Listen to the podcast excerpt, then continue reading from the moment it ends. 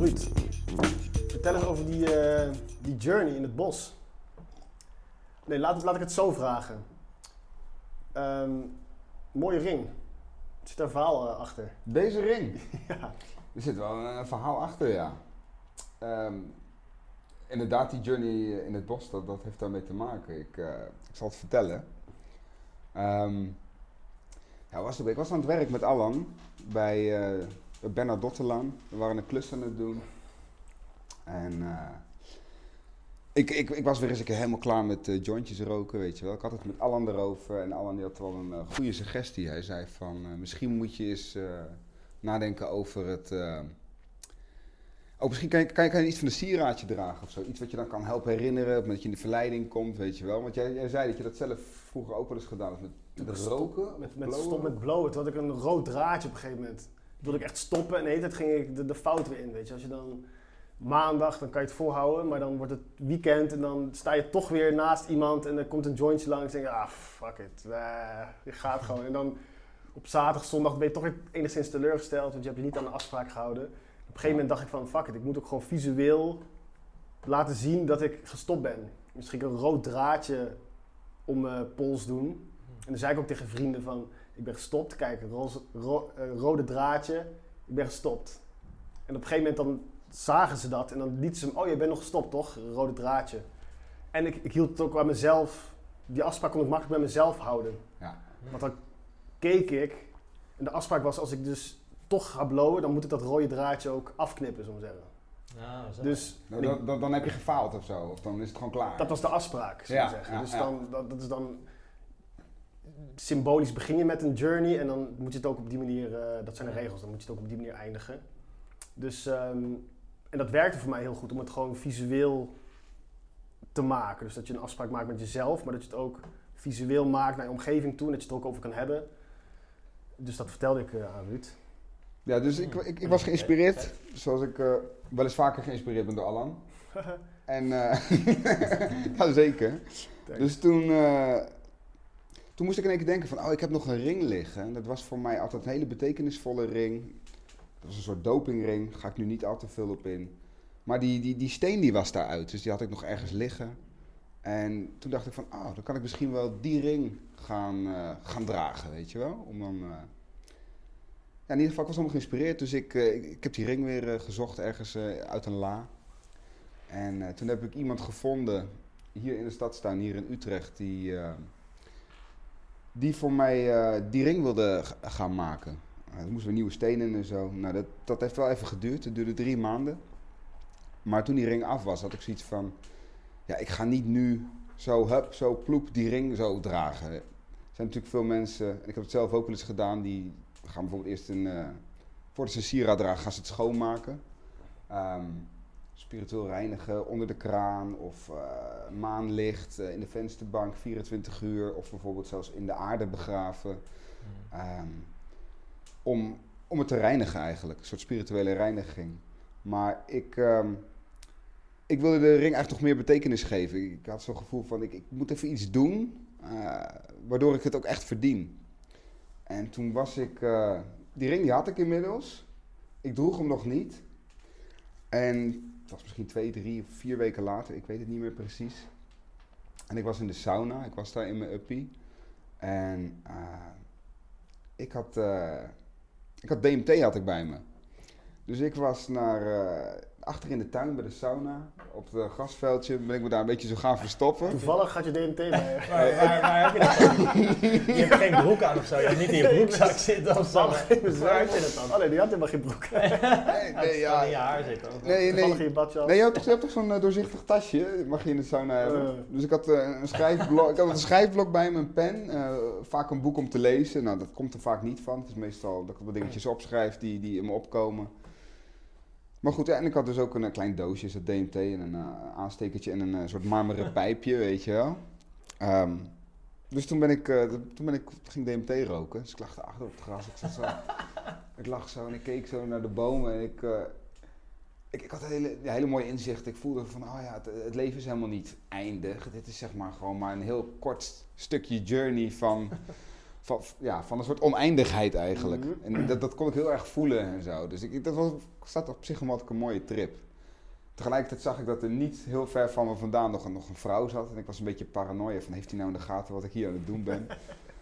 Anyway, na 20 minuten of zo, ik was al een beetje bijgekomen. Dus ik stond op, badjas dichtgeknoopt, zo, handdoekje gepakt. En ik, eh, ik liep naar het restaurant, want ik, ik had een beetje honger. Ik ging zitten en ik begon te schrijven. En ik weet niet helemaal waar het vandaan kwam. Maar in één keer, dacht ik van, hé, hey, ik, ik ga opschrijven wat ik moet doen van mezelf om, eh, voordat ik die ring mag dragen. Dus ik, eh, ik begon te schrijven. Ik dacht van, nou, ik, eh, ik wil een- week lang wil ik om half vier s morgens opstaan. Ik wil, ik ga niet roken, ik ga niet blowen. Ik wil ook geen verwerkt voedsel of suiker, geen cafeïne, geen seks, alleen slapen. Wat had ik nog meer bedacht? Elke dag sporten en elke dag een uur mediteren. Dat mocht dan ook twee keer een half uur zijn, dat maakte niet zoveel uit. Dat was het volgens mij. Dat, dat waren de dingen. En dan had ik als klapper op de vuurpijl, had ik dan bedacht van... Dan ga ik de laatste dag, of dag acht eigenlijk, ga ik het eh, bos in. Ik woon, ik woon in, eh, bij het bos, hè. je weet waar ik woon, eh Kerkenbos, Zeist. Super mooie omgeving. En ik eh, ga daar, eh, ik ga voor zonsopgang ga ik het bos in. En ik kom pas terug na zonsopgang. Dus eigenlijk 25, 26 uur later. En ik, eh, ik ga daar niet eten. Dus ik ga ook zeg maar vasten. Ik neem een paar liter water mee. Ik ga ook niet kamperen, dus ik neem geen tent mee.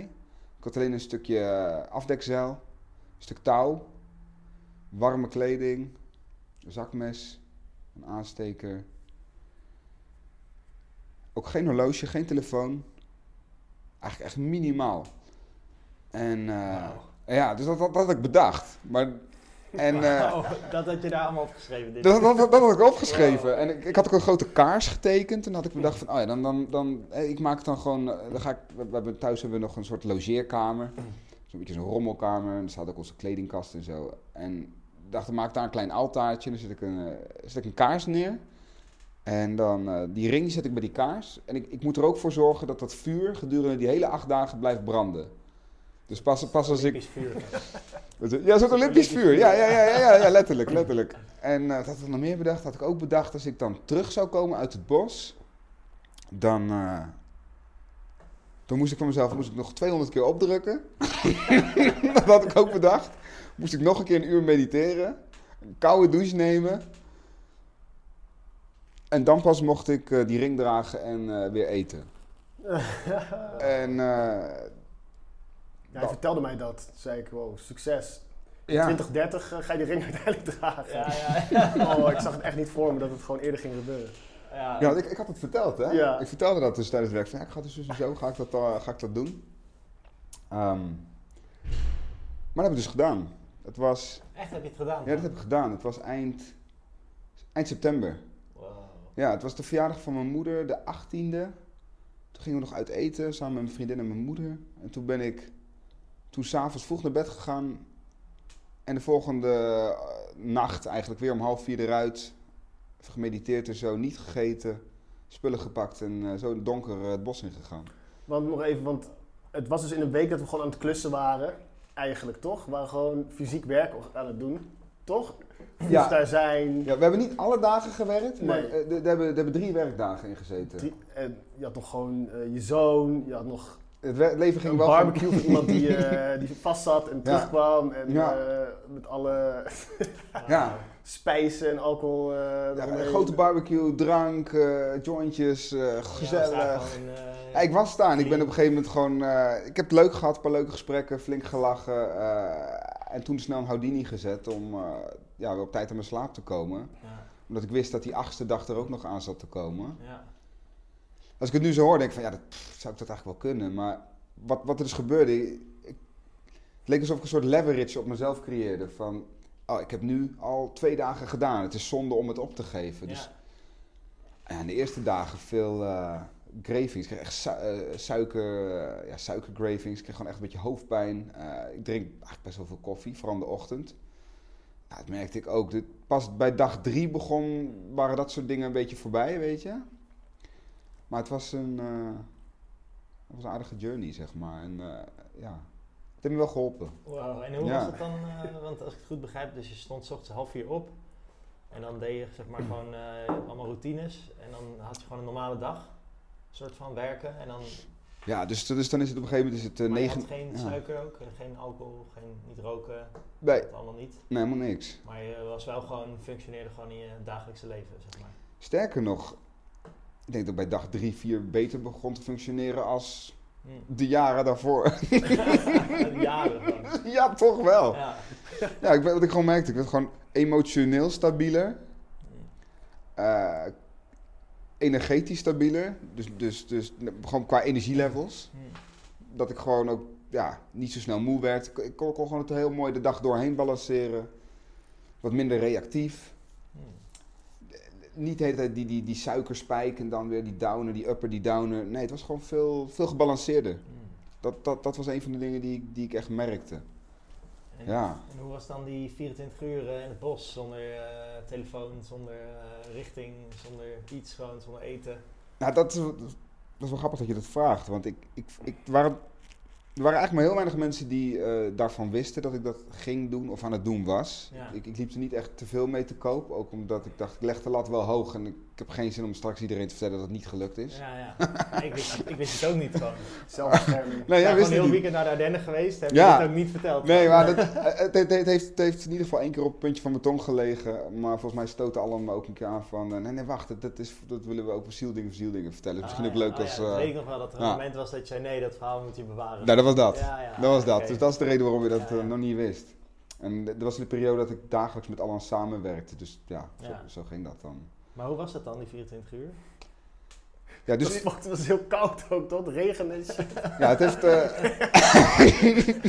Het was net even een kutweek gewoon in september dan. ja, het heeft, eh, het heeft in die 24 uur zeven keer geregend. Het heeft een keer heel mistig is het nog geworden. Nee, eigenlijk twee, twee keer toe. Toen ik het bos inliep, liep ik echt door de mist. Hm. Het was donker, het was een beetje, een beetje engig of zo. En, om half eh, vier 's ochtends vertrok je en om half vier... Nee, nee wel, iets later. Het belangrijkste was dat ik voor zonsopgang het Ah, bos ja. in was. Dus eh, toen, toen, toen heel langzaam zeg maar, al het ietsje licht begon te worden, toen ben ik snel het bos in gelopen. Ja. Ik heb ook een plek uitgekozen. En dat kwam eigenlijk doordat... eh, ik vertelde het mijn vriendin en ook iemand anders. Een andere vriendin en die, eh, die zei van... eh, ja, maar wat jij, wat jij wilt doen, dat, dat heet eigenlijk een fishing quest. En ik, ik wist helemaal niet wat dat was. Hm. Ik dacht, hoe bedoel je Fishing Quest? Ik heb dit bedacht. Maar toen begin ik dat googelen. Ik zou het zeker eens googlen. Het is best wel, best wel, wel tof. Maar Hm. het is, het is heel oud. Het komt volgens mij uit meerdere culturen komt het terug. Ik geloof ook uit... eh jij weet er misschien iets Die meer natives volgens mij, die indianen. Vet. Van de native Amerikanen die deden dat. Hm. Die, die werden gewoon dan eh, ja, 24 uur gewoon de jungle ingestuurd. Of de jungle, gewoon de natuur ingestuurd. De prairie of wat dan ook. Mhm. En zoek het maar uit. en volgens mij, ja, verschillende culturen, ja. Zuid-Amerika ook, dan word je meer de jungle ingestuurd. En volgens mij deden ze het ook wel in de, weet ik veel, de Spartanen deden het volgens mij ook nog. Ja, Dat, gewoon, eh, dat zie je ook in 300. Ging, ging zo'n klein jochje, gaat dan in zijn eentje ook naar het bos. ja, ga maar jagen. Ga maar jagen, ga maar hier overleven. En eh, als je terugkomt, dan, eh, dan ben je een man, zoiets. Ja. Zo- zo- Een soort een, ja, een soort Ja. ontgroening eigenlijk van, eh, van jonge man naar man of zo. Ja. En eh, ik geloof 24 uur is het minimum. En ehm, er zijn ook mensen die doen het vier dagen. Toen ik ging googlen zag ik ook dat er organisaties zijn in Nederland die dit faciliteren. Dus dan kan je betaald kan je dat doen. Dus dan een soort van onder begeleiding. Maar het zieke is, Betaald ook. ja, het zieke is in Nederland mag je dus mag je dit helemaal niet zomaar doen. Je mag na zonsopgang, na zonsondergang tot zonsopgang mag je helemaal niet in het bos zijn. Oh nee? Nee, dat mag helemaal niet. Moet je eens goed kijken op de bordjes. Dat is heel bizar, dat mag helemaal niet. Oké. Dus, ehm, dus ja, dat zijn van die organisaties die hebben dat dan geregeld met, eh, weet ik veel, staatsbosbeheer of zo, waardoor ze Maar, ja, een uitzondering hoe, hebben. Hoe was het gewoon? Ja, hoe was het? Oké, dus. Ja, het één dingetje wat ik nog wil vertellen voor ik vertel hoe het was, is dat ook onderdeel van de Fishing Quest is dat je je committeert aan één plek. Want voordat ik hoorde over Fishing Quest, dacht ik van, nou, volgens mij kan ik de tijd wel doden door vooral lekker te gaan wandelen door het bos, weet je wel. Hm. Maar dat is dus niet de bedoeling. Het is de bedoeling dat je op één plek blijft. Dus ik had een plek uitgekozen. Dus dat is trouwens ook de plek waar wij uh, Tai Chi hadden gedaan Oh ja. met... eh, Oh ja. daar. Grappig, ik dacht ook aan die plek. Ja, nou, dat- andere manier zag ik dat voor je vertelde. Ja, dat is een beetje mijn plekje in het bos, zeg maar. En dat, dus dat is een soort broedgebied. Dus ehm, ja, de eerste eh, paar uur ging eigenlijk heel makkelijk. Ik was gewoon nog heel erg aan het kijken van, oh, daar staat nu de maan eh, ten opzichte van waar de zon nu opkomt. En ik had nog heel veel gedachten. Ik zat nog helemaal vol met allemaal onverwerkte gedachten van de afgelopen dagen en zo. En dat, eh daar kon ik nog heel goed op teren. En op een gegeven moment begon dat een beetje weg te veden. En toen bleef er gewoon niet meer zoveel over. En toen nou, ik begon een beetje honger te krijgen. Nou, toen ging ik een beetje water drinken. Een beetje proberen doorheen te mediteren. Elke keer als de zon zag, dan ging ik een beetje zongazen. maar wat gebeurde er? Op een gegeven moment kikte keihard ook gewoon de, de leegte. Die, eh, die was er ineens ook echt, echt ja, een soort verveling. Ik had gewoon niks te doen. Je had ook geen tent bij je, toch? Nee, ik had geen tent bij me. Nee, ook geen boekje of wat. Niks. Geen Niks. muziek, geen telefoon. Nee, nee, Geen helemaal niks. Geen kleren. Nee. Nou, ik had, kle- ik had kleding aan. Ik had kleding aan. Ik had een, een goede winterjas, eh, dikke sokken, een beetje van die Timberlands, weet je wel. Mhm. Ja, semi-waterdicht. Wat, wat mij bezig hield was wel het weer.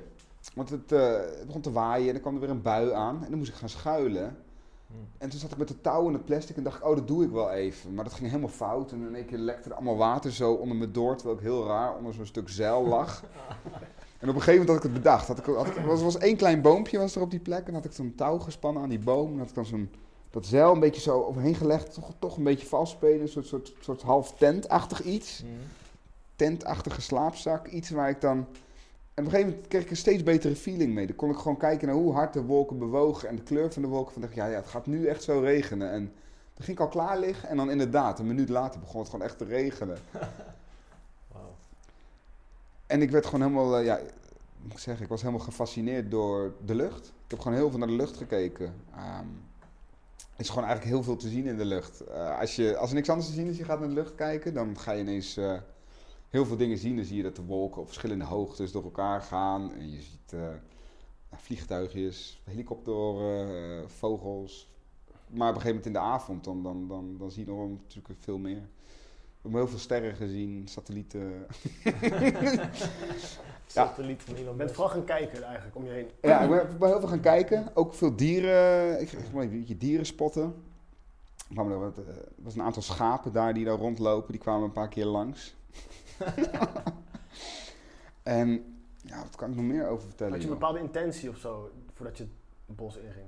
Zo van, hmm, Mm, was de intentie gewoon overleven en eh, nou, dat was vooral ook ervaren, denk ik. ja, En wat ik ook er, ervoer, ervaarde, ervoer, was, ervaren, denk ik. ja, was dat ehm, op een gegeven moment kreeg ik wel hele diepe reflecties. Mhm. Ik merkte door die leegte, die kon ik ook heel goed gebruiken door... Op het moment dat je, moet zeggen, op het moment dat ik, gewoon nu in het dagelijks leven, terwijl er heel, duizend en één impulsen zijn op een dag, op het moment dat ik ga reflecteren, dan reflecteer ik, maar tot een zekere hoogte. Want dan word ik alweer afgeleid door een eh, associatie in mijn hoofd. En dat was daar totaal niet. Dus op een gegeven moment zat ik in een bepaalde reflectie. En toen kon ik zeg maar nog iets dieper en nog iets dieper. En dat, dat ging in dit geval ging het heel erg over compassievol zijn naar andere mensen om me heen. Eh, versus kritisch zijn naar andere mensen om me heen. Naar in één keer inzien van, hé, hey, maar dit zegt eigenlijk heel veel over hoe ik eigenlijk dat naar mezelf doe. En waarom vind ik het soms moeilijk om compassievol zijn naar mezelf. En ik ging steeds een laagje dieper. En dat, dat kon doordat er gewoon geen afleiding was. En totale leegte. Ook in mijn hoofd. Er was al heel veel weg. En dat... ehm, Hallo? Iets shit. nee, dat maakt niet uit. Ja. Oh ja, en het laatste wat ik nog over wil vertellen is dat ehm, de nacht op een gegeven moment begon af te koelen. En toen dacht ik in één keer van fuck, misschien moet ik toch iets van vuur gaan maken. Want ik had mezelf afgesproken van ik heb wel een aansteker bij me, maar ik, ik ga wel geen vuur maken. Plus het heeft geregend en zo, laat maar. Mhm. Ik ben warm aangekleed, ik ga wel bewegen als ik het eh, koud krijg. Maar op een gegeven moment was het gewoon echt zo van als ik niet bewoog, dan kreeg ik het koud. Ja. En het, dus dacht ik, oh nee, ik ga toch een vuurtje proberen te maken. Dus toen ben ik gaan, eh, gaan zoeken onder bomen die dan een beetje diagonaal stonden. Zo, Of ik toch nog droge stukjes schors kon vinden en zo. Dus had ik wat dingetjes verzameld. Een vuurtje gemaakt. Met heel veel moeite. Maar dat lukte dan ook weer niet. Het, het- het was dan 20 minuten en dan had ik geen hout meer. En dan, Ah, ja, en dan ging ik snel zand erop doen. Oh, een yogamatje had ik bij me, dat moet ik erbij zeggen. Ja. Ging yogamat snel erop leggen en dan ging daarop liggen, weet je wel. Dat die warmte nog een klein beetje kon voelen en zo. en, eh, eh, en wat er ook gebeurd was, het was ook de bedoeling dat ik niet zou gaan slapen. Ik zou die hele 24 uur wakker moeten zijn. En toen ben ik op een gegeven moment toch heel even weggedommeld. En toen werd ik wakker. En toen hoopte ik stiekem dat er al heel veel tijd voorbij was. En dat het nog een paar uurtjes zou duren of zo voordat, het, eh, voordat de zon zou opkomen. Ja, het duurde fucking lang. Ik heb gewoon, het, het duurde echt zo ontzettend lang.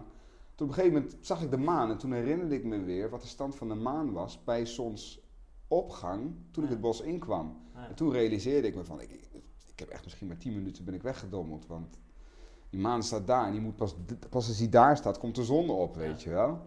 Ja, dat duurde wel heel lang op een gegeven moment. En toen, eh, ja, ging- op een gegeven moment toen kreeg ik ook wel moeite om positief te blijven. Dus ik ging maar een beetje eh, positief, een beetje liedjes zingen en een beetje dansen om warm te blijven. En eh, ja, toen kwam de zon op een gegeven moment op en dat, dat voelde wel als een, eh, een soort overwinning. Dat was wel echt een mooi moment. En toen ja, ging ik mijn spullen al inpakken. Dan was ik helemaal ready om te gaan, maar ik moest nog even wachten. En, Dat hij echt op was. tot hij echt op was. En toen, toen ging ik het bos uitlopen. Toen kwam ik thuis en toen heb ik die andere dingen nog gedaan. 200 keer opgedrukt. Ja, ja, ja, ja. En toen, eh, toen mocht die ring En dragen. nog een uur gemediteerd, hè? Was het? Ook. Ja, wauw. Ja, ja, En wat was dan, je zei even van eh, proberen positief te blijven in Ja. de nacht. ja. Want wat voor negatiefs was er dan? Wat je, dat is natuurlijk ook een deel van jezelf die... Ja, het was, niet, het was niet heel negatief, maar het was wel wat een beetje een bedreiging vormde onder wat ik aan het doen was. Van die gedachte van, eh, wat ben ik eigenlijk aan het doen? Hmm. Weet je, waar, waar, waar ben ik in godsnaam mee bezig? Ja, gewoon Waarom? zieke weerstand. Ik, ik woon een paar kilometer verderop, eh, waarom zou ik dan niet... Wat ja, doen? ja, ja. Weet je Wat wel? heb ik te bewijzen? Ja. wat- Ja. wel knap dat je niet hebt toegegeven aan die, Ja. die eh, ja, weerstand is dat toch gewoon. En Ja, klopt. verleiding, eh, Maar, maar, maar wederom, weer, het was weer die leverage van, ja. van... Je hebt al die hele week heb je al gedaan. Je bent eigenlijk al die hele dag heb je al gedaan. Je zit al in die nacht. Je moet nog een paar uurtjes, weet je wel. Dus dat, Ja. dat voelde ook te zonde om, eh, om echt op te geven. Dus ehm, ja, dat, wat, dat was dat... eh, Wow. Dat was Wat het, een eh, verhaal, het bos, eh, verhaal. Niet normaal, joh. Heb je al die tijd het gewoon niet verteld? Gewoon. Echt niet normaal. ja, Ja, vet. Echt heel dik. Zou je het, zou je het aanraden? ik zou het... ehm, ik zou het aanraden, jawel. Het hele, de, de hele, de hele journey of, of vooral het eh, bosaspect? Of het hele ding?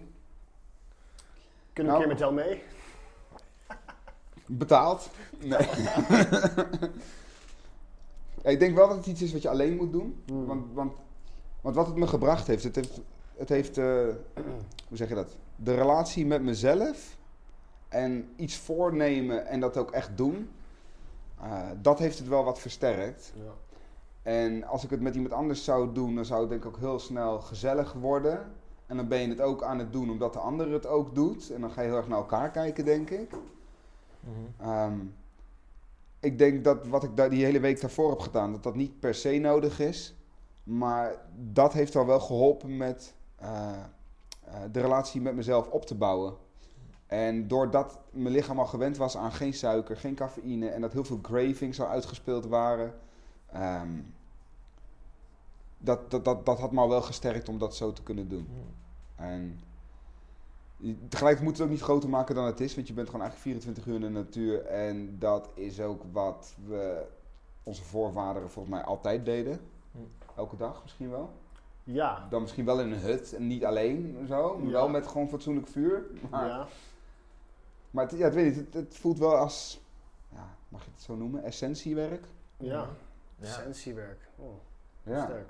En, en voel je ook een soort eh, confrontatie met jezelf, zeg maar? Want die leegte, ja, je wordt gewoon gedwongen als het ware om bij jezelf terug te komen, want er is niks waar je naartoe kan. Oké, je kan kijken naar de lucht en, en zo, wat je Ja. zei, maar uiteindelijk kom je toch, ja, ga je gewoon ref- reflecteren en ga je gewoon voelen wat je voelt, zeg maar. Ja, ja want, want dat is misschien wel leuk om nog even aan te koppelen. Die, die Fishing Quest, die wordt zeg maar. eh, Die, die, die was in het verleden ging het heel erg over ontgroening, maar die wordt in de dag van, die, die wordt zeg maar in, in het heden wordt het volgens mij ook heel veel gebruikt, letterlijk, dat mensen op een gegeven moment een beetje deluded worden en bepaalde visioenen kunnen krijgen. Sommige mensen geloven vanuit spiritualiteit dat het gaat over hun voorouderen of, of, of wat met hun is, hun spirits. Mhm. En dat ze op die manier messages binnen kunnen krijgen, doordat ze daar totaal ontvankelijk voor zijn. En daarmee dus ook antwoord kunnen krijgen op bepaalde struggles en bepaalde inzichten. Dus ik kan me ook voorstellen dat mensen die ehm, bijvoorbeeld eh, kiezen voor een eh, ayahuasca-ceremonie, dat datzelfde soort motieven kunnen zijn om, om misschien wel een soort fishing quest te doen. Hm.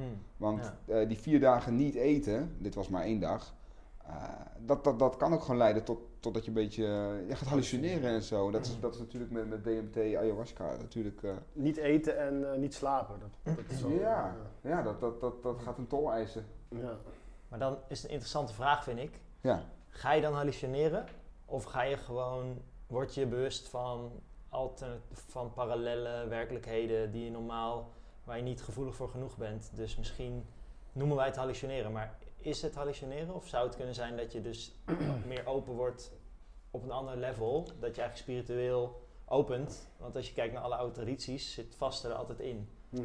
Dat zijn, Oké, dan heb je het over die fishing quest of, of ook over Nee, DMT en ayahuasca? over- gewoon over alle spirituele tradities. Vasten hoort, zit er ergens altijd, komt altijd voor.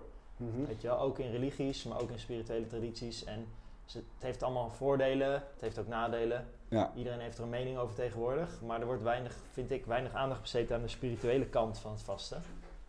En eh, nou ja, wat ik dan leerde was dat het een hele spirituele kant heeft, het vasten. En dat het dus je spirituele bewustzijn ook opent als je vast. Omdat je gewoon inderdaad, je gaat hallucineren. Maar zou- zijn het hallucinaties of zijn het misschien wel gewoon andere dingen die je ontvangt? Dit- Ik vind het een mooie niet. vraag, want Ja. toevallig zag ik Graham Ham- Hancock. ja. Mhm. Die zag, ik- hoorde ik daar iets over zeggen. Ik dacht van wauw, dat vind ik wel echt wel een heel mooie gedachte. Dat in ieder geval, dit slaat dan even niet op die fishing quest, maar wel op, eh op eh paddenstoelen, psilocybine, DMT en, en, en, en, en die eh, hoek. Van, zijn het onze hersenen die ons strikken? Is het echt een intern proces? Of, of gaan er in één keer allemaal voelsprieten openstaan waardoor wij een andere werkelijkheid en meerdere werkelijkheden in één keer wel kunnen ervaren? Is het een soort gateway? Mhm. En Ah. dat ze dat nu aan het onderzoeken zijn, toch? Ja. En dat 200 man of zoiets zijn ze aan het onderzoeken. En schijnbaar hebben ze veel al dezelfde wezens die ze tegenkomen. Ja. En dezelfde soort, hoe ze eruit zien en wat ze vertellen. Het is allemaal dezelfde soort message. Mhm. Dus ja, is het dan toev- toeval dat iedereen zijn hersens hetzelfde fantasieverhaaltje creëert? Of is het daadwerkelijk iets gewoon waar je je voor openstelt en wat er gewoon altijd is en een andere realm gewoon? Ja. Dat zijn ze nu aan het onderzoeken. Wat, wat denk jij? Ik denk het tweede. Een andere realm. Een andere realm, ja, waar je op in kan tunen. Ja. En of je daar ehm, in kan tunen, ja, ik denk dat je via verschillende wegen kan je, kan je erop intunen. En eh ja, psychedelics is natuurlijk één weg daarvoor. En waarschijnlijk is dan vasten, langdurig vasten, is ook zo'n weg. Mhm. Ik weet niet, heb jij langer gevast ook? Nou, toen ik bij eh, mijn Tai Chi leraar woonde, was het een soort regel dat we één keer per week 24 uur moesten vasten, zeg maar. Mhm. Dus deed dan elke maandag. Altijd. Die hele periode dat je daar zat, één keer per week sowieso. Nou, als je daar woonde, zeg maar, in dat centrum, daar waren Ja. gewoon bepaalde regels. Ja. En eh, als je bepaalde intensiteit in je training wilde Ja. vinden, dan raden die gewoon aan om één keer om minimaal 24 uur per week te vasten. Ja. En vooral als je, in mijn geval wilde ik ook spiritueel wat meer open gaan, zeg maar. Ja. Maar wel gewoon doorgaan met je practice. Dus vier uur per dag gewoon je, je tai chi doen. Ja. En dan ook een onderdeel daarvan is dan bijvoorbeeld even mediteren en zo. Maar dan zei hij één keer per week 24 uur vasten. Eh, heb ik wel veel, ja, echt bizarre dingen meegemaakt. Dan op een gegeven moment went je lichaam er ook aan. Dan weet die lichaam Mhm. een soort van, Het is weer maandag. ja, het is weer maandag. En wel wat ik vaak deed op zondag en dan fucking veel eten gewoon. Ja. Op welke dag vast je dan? Op maandag. Op maandag altijd. Ja, maar ik werkte wel, dus dan ging ik gewoon, eh, ik werkte toen in Engeland in een kantoor Ja. en dan eh, was ik gewoon om eh, half vijf of zo, weet je, om, het was gewoon 9 tot 5 deed ik dan, vier dagen per week toen. En dan om half vijf was ik helemaal gewoon allemaal zo aan het uh, half zweven door het kantoor, weet je wel. Moest ja. ook nog Engels praten, terwijl het wordt steeds moeilijker. Ja. Omdat je hersenen, je, wordt gewoon, krijgt een soort moeheid of zo. Na die moeheid komt weer iets anders. Maar ja. ik denk dat ik in het begin heel erg aan het struggelen was met gewoon overleven in de normale wereld, terwijl je super honger hebt. Ja. Maar dan vaak als ik thuis kwam, rond een uur of 19 s'avonds, als ik dan met Tai Chi ging doen, gewoon een heel ander level van practice. Gewoon echt. Dat, daar merkte het verschil Ja, totaal. Veel, ik voelde echt veel meer. Ja. Op alle gebieden. En ik zag ook gewoon soort schimmen en visueel niet licht of zo, maar gewoon alsof er dus iets tussen alle materie om je heen en jou, alsof er daar iets tussenin zit en alsof je dat begint te zien. Mhm. Een soort mist of een soort ja. substantie, zeg maar. En dat, dat ging je in één keer veel makkelijker zien. En uh, ja, dat, dat soort ervaringen. En, en, en, dat was dan uh, bij de Tai Chi practice op de maandag, zeg maar? Wanneer je dus aan het vasten was? Dat je dan dus in één keer die diepere laag inging? Ja, die gevoeligheid wordt veel, je wordt soort hypersensitief op een heel ander level. En ook heel veel behoeftes gaan, uh, worden ook veel minder, zeg maar. Op een gegeven moment helemaal geen zin meer. Ja, eigenlijk bijna nergens meer die impulsen worden veel minder. Je hebt gewoon geen energie meer in, voor impulsen, zeg maar. Dus dat, dat had ik wel. Maar ik denk, ik heb één keer 36 uur gevast. Maar dan, ja, ik, ik, ik hou zo erg van eten gewoon. het is echt een zwakke plek. Ik vind het zo lekker. Dat ik echt zo erg tegenop zie als ik moet vasten. Het is echt, ik, ja, ik vond het dan, soms zijn mijn leraar ook wel eens na les van, ja, het is nu het beste als je, als je gewoon vast tot morgenochtend, weet je wel. En dan dacht ik echt van, in de les zat ik al te denken wat ik ging eten na de les, weet je wel. En dan, om heel eerlijk te zijn heb ik me nu niet altijd aan gehouden. Dat soms dacht ik van, ja, ik ga nu niet vasten. Gewoon, ah, ging gewoon keihard vreten. Maar ja, het is wel, ik, ik heb wel zelf persoonlijk meegemaakt dat via vasten dat je echt hele andere dingen meemaakt. En altijd als we een healing gaven, zeg maar, je, dan deed je een healing en dan in die opleiding deed je dan vier keer een uur, vier healings per dag. Dus vier uur healing en dan moest je ook vasten van tevoren. Ja omdat je dan beter die soort van uh, energie kan ontvangen. Juist. En omdat je zelf zo leeg mogelijk moet zijn, want alles wat jij in je hebt, stop je ook in iemand anders, zeg maar. Dus mhm. je kan wel een healing doen, maar als jij net uh, enorm veel frustratie hebt gevoeld, dan kan het ook zomaar zijn dat die frustratie ook in jou, in de, in de persoon komt die jij, zeg maar... Probeert te healen. Probeert te healen. Ja. Dan ben ik wel een beetje terugkomen van het idee van dat je iemand gaat healen of zo. Ik geloof nu meer in dat mensen empoweren dat ze zichzelf gaan healen. Was dat, was dat een onderdeel van Tai Chi? Nee, dat, healing aspect of meer van uh, Nou, het centrum was een meer, uh, was meer, had meerdere aspecten, zeg maar. Dus Tai Chi was één ding en Chi Healing was een ander ding. En dan Qigong en dan de fusie van de vijf elementen. En het heeft allemaal onderdelen, zeg maar. Gewoon allemaal, net als een school, gewoon verschillende vakken die je kon leren. En ik ik studeer dus allemaal, alle vakken. Daarom ben ik daar zo lang gebleven. Okay. Maar het zijn allemaal aspecten vanuit Taoïsme die, ja, waar je gewoon uh, superveel over kan leren. Waar gewoon echt honderden, duizenden boeken over geschreven zijn. Dus ja, het is best wel moeilijk van waar wil je nou op richten. Weet je wel? Het is zo, binnen één traditie is er al zoveel. Maar had, had Master Choi een bepaalde overtuiging over dat vast? Of vertelde hij niet per se nou, hij zei waarom je dat moest doen? Jawel, hij vertelde wel redenen. Hij had, heel veel redenen heeft het. Uh, hij had het ook over je inner animal, zeg maar. Dat iedereen heeft een soort dierlijke kant in zich. En mhm. die uh, heeft steeds zin in seks, eten, uh, maar ook vechten, weet je wel. Die is gewoon een heel animalistische kant. Ja. en hij zei dat je die goed kan leren kennen als je gaat vasten. Dat het een manier is om een soort van kennis te maken met die kant van jezelf. Omdat die kant dan op een gegeven moment ook heel boos wordt van ik wil nu echt eten, weet je wel. En dat je dan niet ingeeft aan dat, maar dat je daar gewoon mee gaat zitten en gewoon gaat voelen hoe dat voelt. Mhm. En dat je die, dat deel van jezelf als het ware leert koest uh, te maken. Niet, ja, dan wel in het begin door een soort van hem uit te dagen als het ware. Ja. Uh, daar adviseerde hij het heel veel over. Als bijvoorbeeld, uh, er waren daar ook mensen die struggelden met pornoverslaving bijvoorbeeld. En dan raden die aan van, nou, ga gewoon vasten. Niet alleen digitaal vasten, maar ook gewoon fysiek, mm met eten. En ook wel eens dat hij zei verbaal vasten bijvoorbeeld. Dat je gewoon een tijd niet gaat praten bijvoorbeeld. Is ook een, ook een goede. Ja. Verbaal vasten. Maar, maar Alan, jij dan? Jij hebt een keer Ja, heel lang gevast. je hebt echt tien dagen gevast of zo. Dat is zo. Ja, maar wel gedronken, hè? Ja, wel gedronken, maar Wel gedronken. ik bedoel, ik dronk ook. Oké. De, de, de, de- je, mag wel, je mag wel drinken, toch? Ja, je mag wel drinken, toch? Oh, je Het is mag wel drinken. Vast van eten. Dus Het is niet gewoon alleen doodgaan. ja, ja. Ja, ik heb wel een keer tien dagen, ja. Ehm, dus de master cleanse of zoiets noemen ze dat. Tien dagen lang alleen maar fucking citroensap en cayenne, cayennepoeder afzien. Dat is echt Oh, dat was ehm, tien dagen. tien Echt, dagen hoe lang, maar- Tien dagen. Ook niet een week, nee, tien. voorstellen. Dat je gewoon tien dagen niks gaat eten. gewoon. Weet je? ja, dat was wel eh, een roerige periode ook. Dus het is ook gewoon, ehm, ik weet niet, volgens mij heb ik, heb ik een dagboek bijgehouden. Ik ben bang van niet, maar waarschijnlijk wel.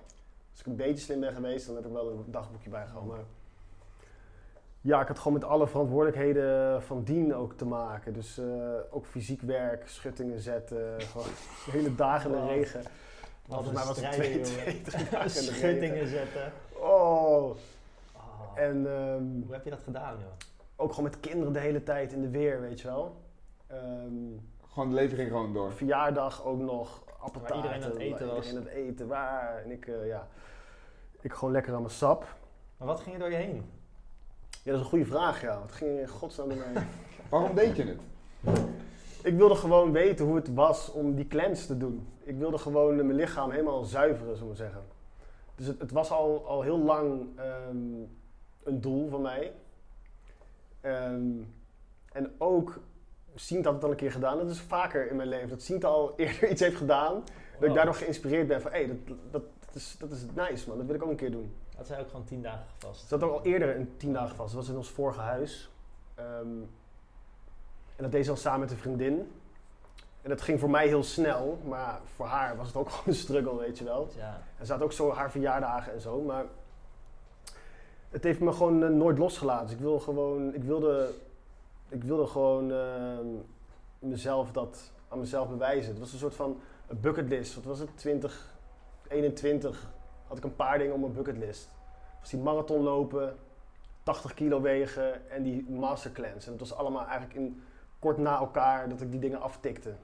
Nog één keer, welke, welke Een- Een, een marathon lopen. Ja? Heb je dat gedaan? Heb ik gedaan met Sil. 80 kilo wegen had ik gehaald. En Ja. eh, die master cleanse doen. Ja, dat was, eh, had ik alle drie gedaan.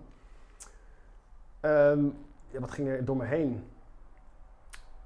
Veel afleiding ook. Dus ehm, ik zal, ik zal, ik eh, ja, de boekjes moeten nalezen eigenlijk. Wat er precies door me heen ging. Ik kan me niet zo heel goed meer herinneren. Maar het was vooral gewoon lichamelijk een cleanse. En niet per se dat ik eh, die avond heel lang ging, ging mediteren of zo. Op een of andere manier leek ik daar in mijn hoofd iets te druk voor te zijn. wat ik heel erg ging doen, ehm, wat heel opvallend was, is dat ik heel veel bezig ging houden met eten. Dus ik ging heel veel, kwam ik thuis en dan ging ik heel veel filmpjes bekijken. Want het gezin ging beneden eten. Ja, ik kon toch niet eten, dus ik ging gewoon zagrijnig boven zitten met mijn juice. Dan ging ik allemaal filmpjes kijken over eten. Ik had op een gegeven moment zo'n eh, de, de vegan. ehm, zo, ik had zo'n vegan influencer gezien, eh, ge- was ik achtergekomen die heel veel meal preps deed en zo. Ik ging helemaal schematisch voor mezelf uittekenen. Als ik zo meteen weer kan eten, dan ga ik er heel anders mee om. En ik ga me gewoon, de dingen die ik altijd al wil, wil doen op etengebied, dat ga ik gewoon, ehm, dat ga ik, dat ga ik gewoon doen. Dus deze recept wil ik gaan maken en ik wil zo, op die manier wil ik meal gaan preppen. En op dat zijn de momenten wanneer ik eten wil gaan maken. En ik, wilde, ik voelde heel erg in die periode juist een urge om anders met eten om te gaan.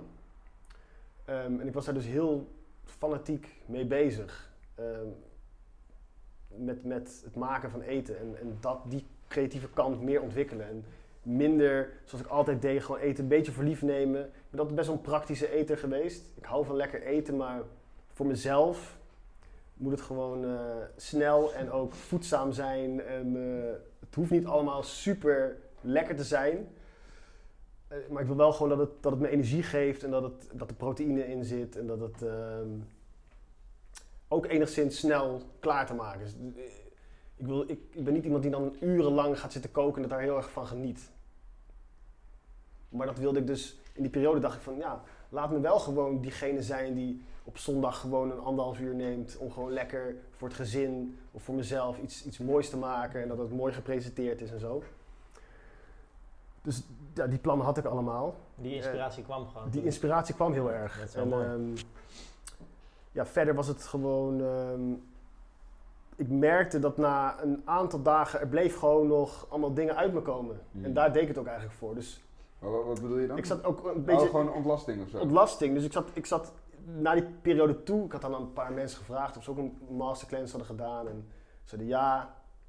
eh masterclass nice, maar eh, jij bent toch wel hardcore. Er zei iemand, jij kan ook wel een klisma aan. Ah, klisma. Ging ik toch dat ook nog onderzoeken van klisma, thuisklisma's. Misschien is dat wel de, de way. thuis. Ik weet niet, een soort van fascinatie over dingen die dan goed schijnen te zijn. Dan kan ik dan best wel eh, snel, ehm, dat er een zaadje geplant wordt in mijn hoofd. En dan, Moet het? dan moet ik uiteindelijk, wil ik dat gewoon aan mezelf eh, bewijzen of zo. Ehm, dus toen zat ik nog te twijfelen, moet ik een, kle- moet ik een eh, klisma doen of moet ik die masterclass gaan doen? Nou, uiteindelijk ben ik toch die masterclass gaan doen.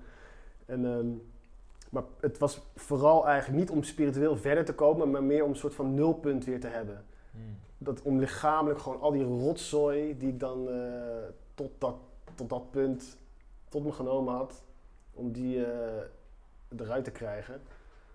Ik, romantiseerde het eigenlijk in mijn, in mijn hoofd. Dus dat, ik, dat er allemaal opgehoopte klonten nog in mijn darmenkanaal vastzaten. En dat ik dan door die masterclass dat het allemaal gewoon schoongeveegd zou worden. Kwamen ze, was dat zo? Kwamen Er kwamen, zelfs da- dag, dag 9 kwam er, nog gewoon, kwam er nog gewoon substantie uit, weet je wel. En dag 6 kwam er gewoon nog ja, klonten. Voel gewoon als klonten, als bommetjes gewoon, toek, toek, toek, kwam er gewoon uit je. Terwijl dat kan helemaal geen eten. Ik, bedoel, ik heb Ja. al acht dagen niks gegeten, dus, of zes dagen, of wat dan ook. Dus blijft, blijft er nog veel in je lichaam hangen er eigenlijk? blijven nog allemaal dingen in je lichaam hangen.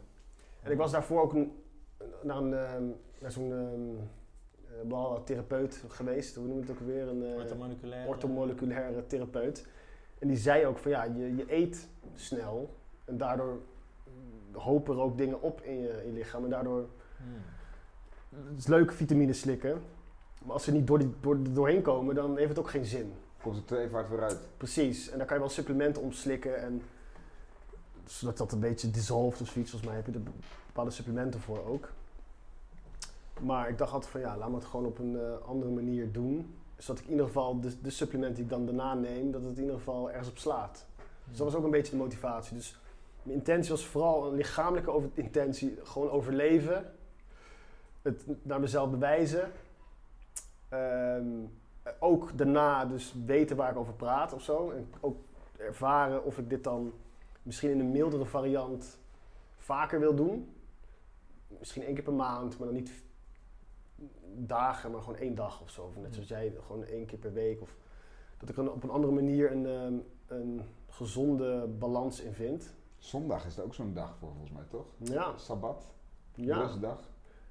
ja. Die, doen de Joden dat? Sabbat? Is dat een Joods woord? Volgens mij wel, maar dat weet ik niet zeker. Weet jij dat? Iedereen kijkt naar mij. Nee, ik, ik weet het niet. ik zou het, zou het moeten weten, maar... Ja. Nee. Maar oké, en eh, ga, heb je dat nog een keer gedaan dan sindsdien? Of, of eh, één dag? Of, Ehm, iets? Nee, eigenlijk niet. En ehm, ja, maar wat niet is, kan nog komen. Dus ehm, het is ook goed om er nu even over te hebben, om even te scherp te stellen. Maar Hmm.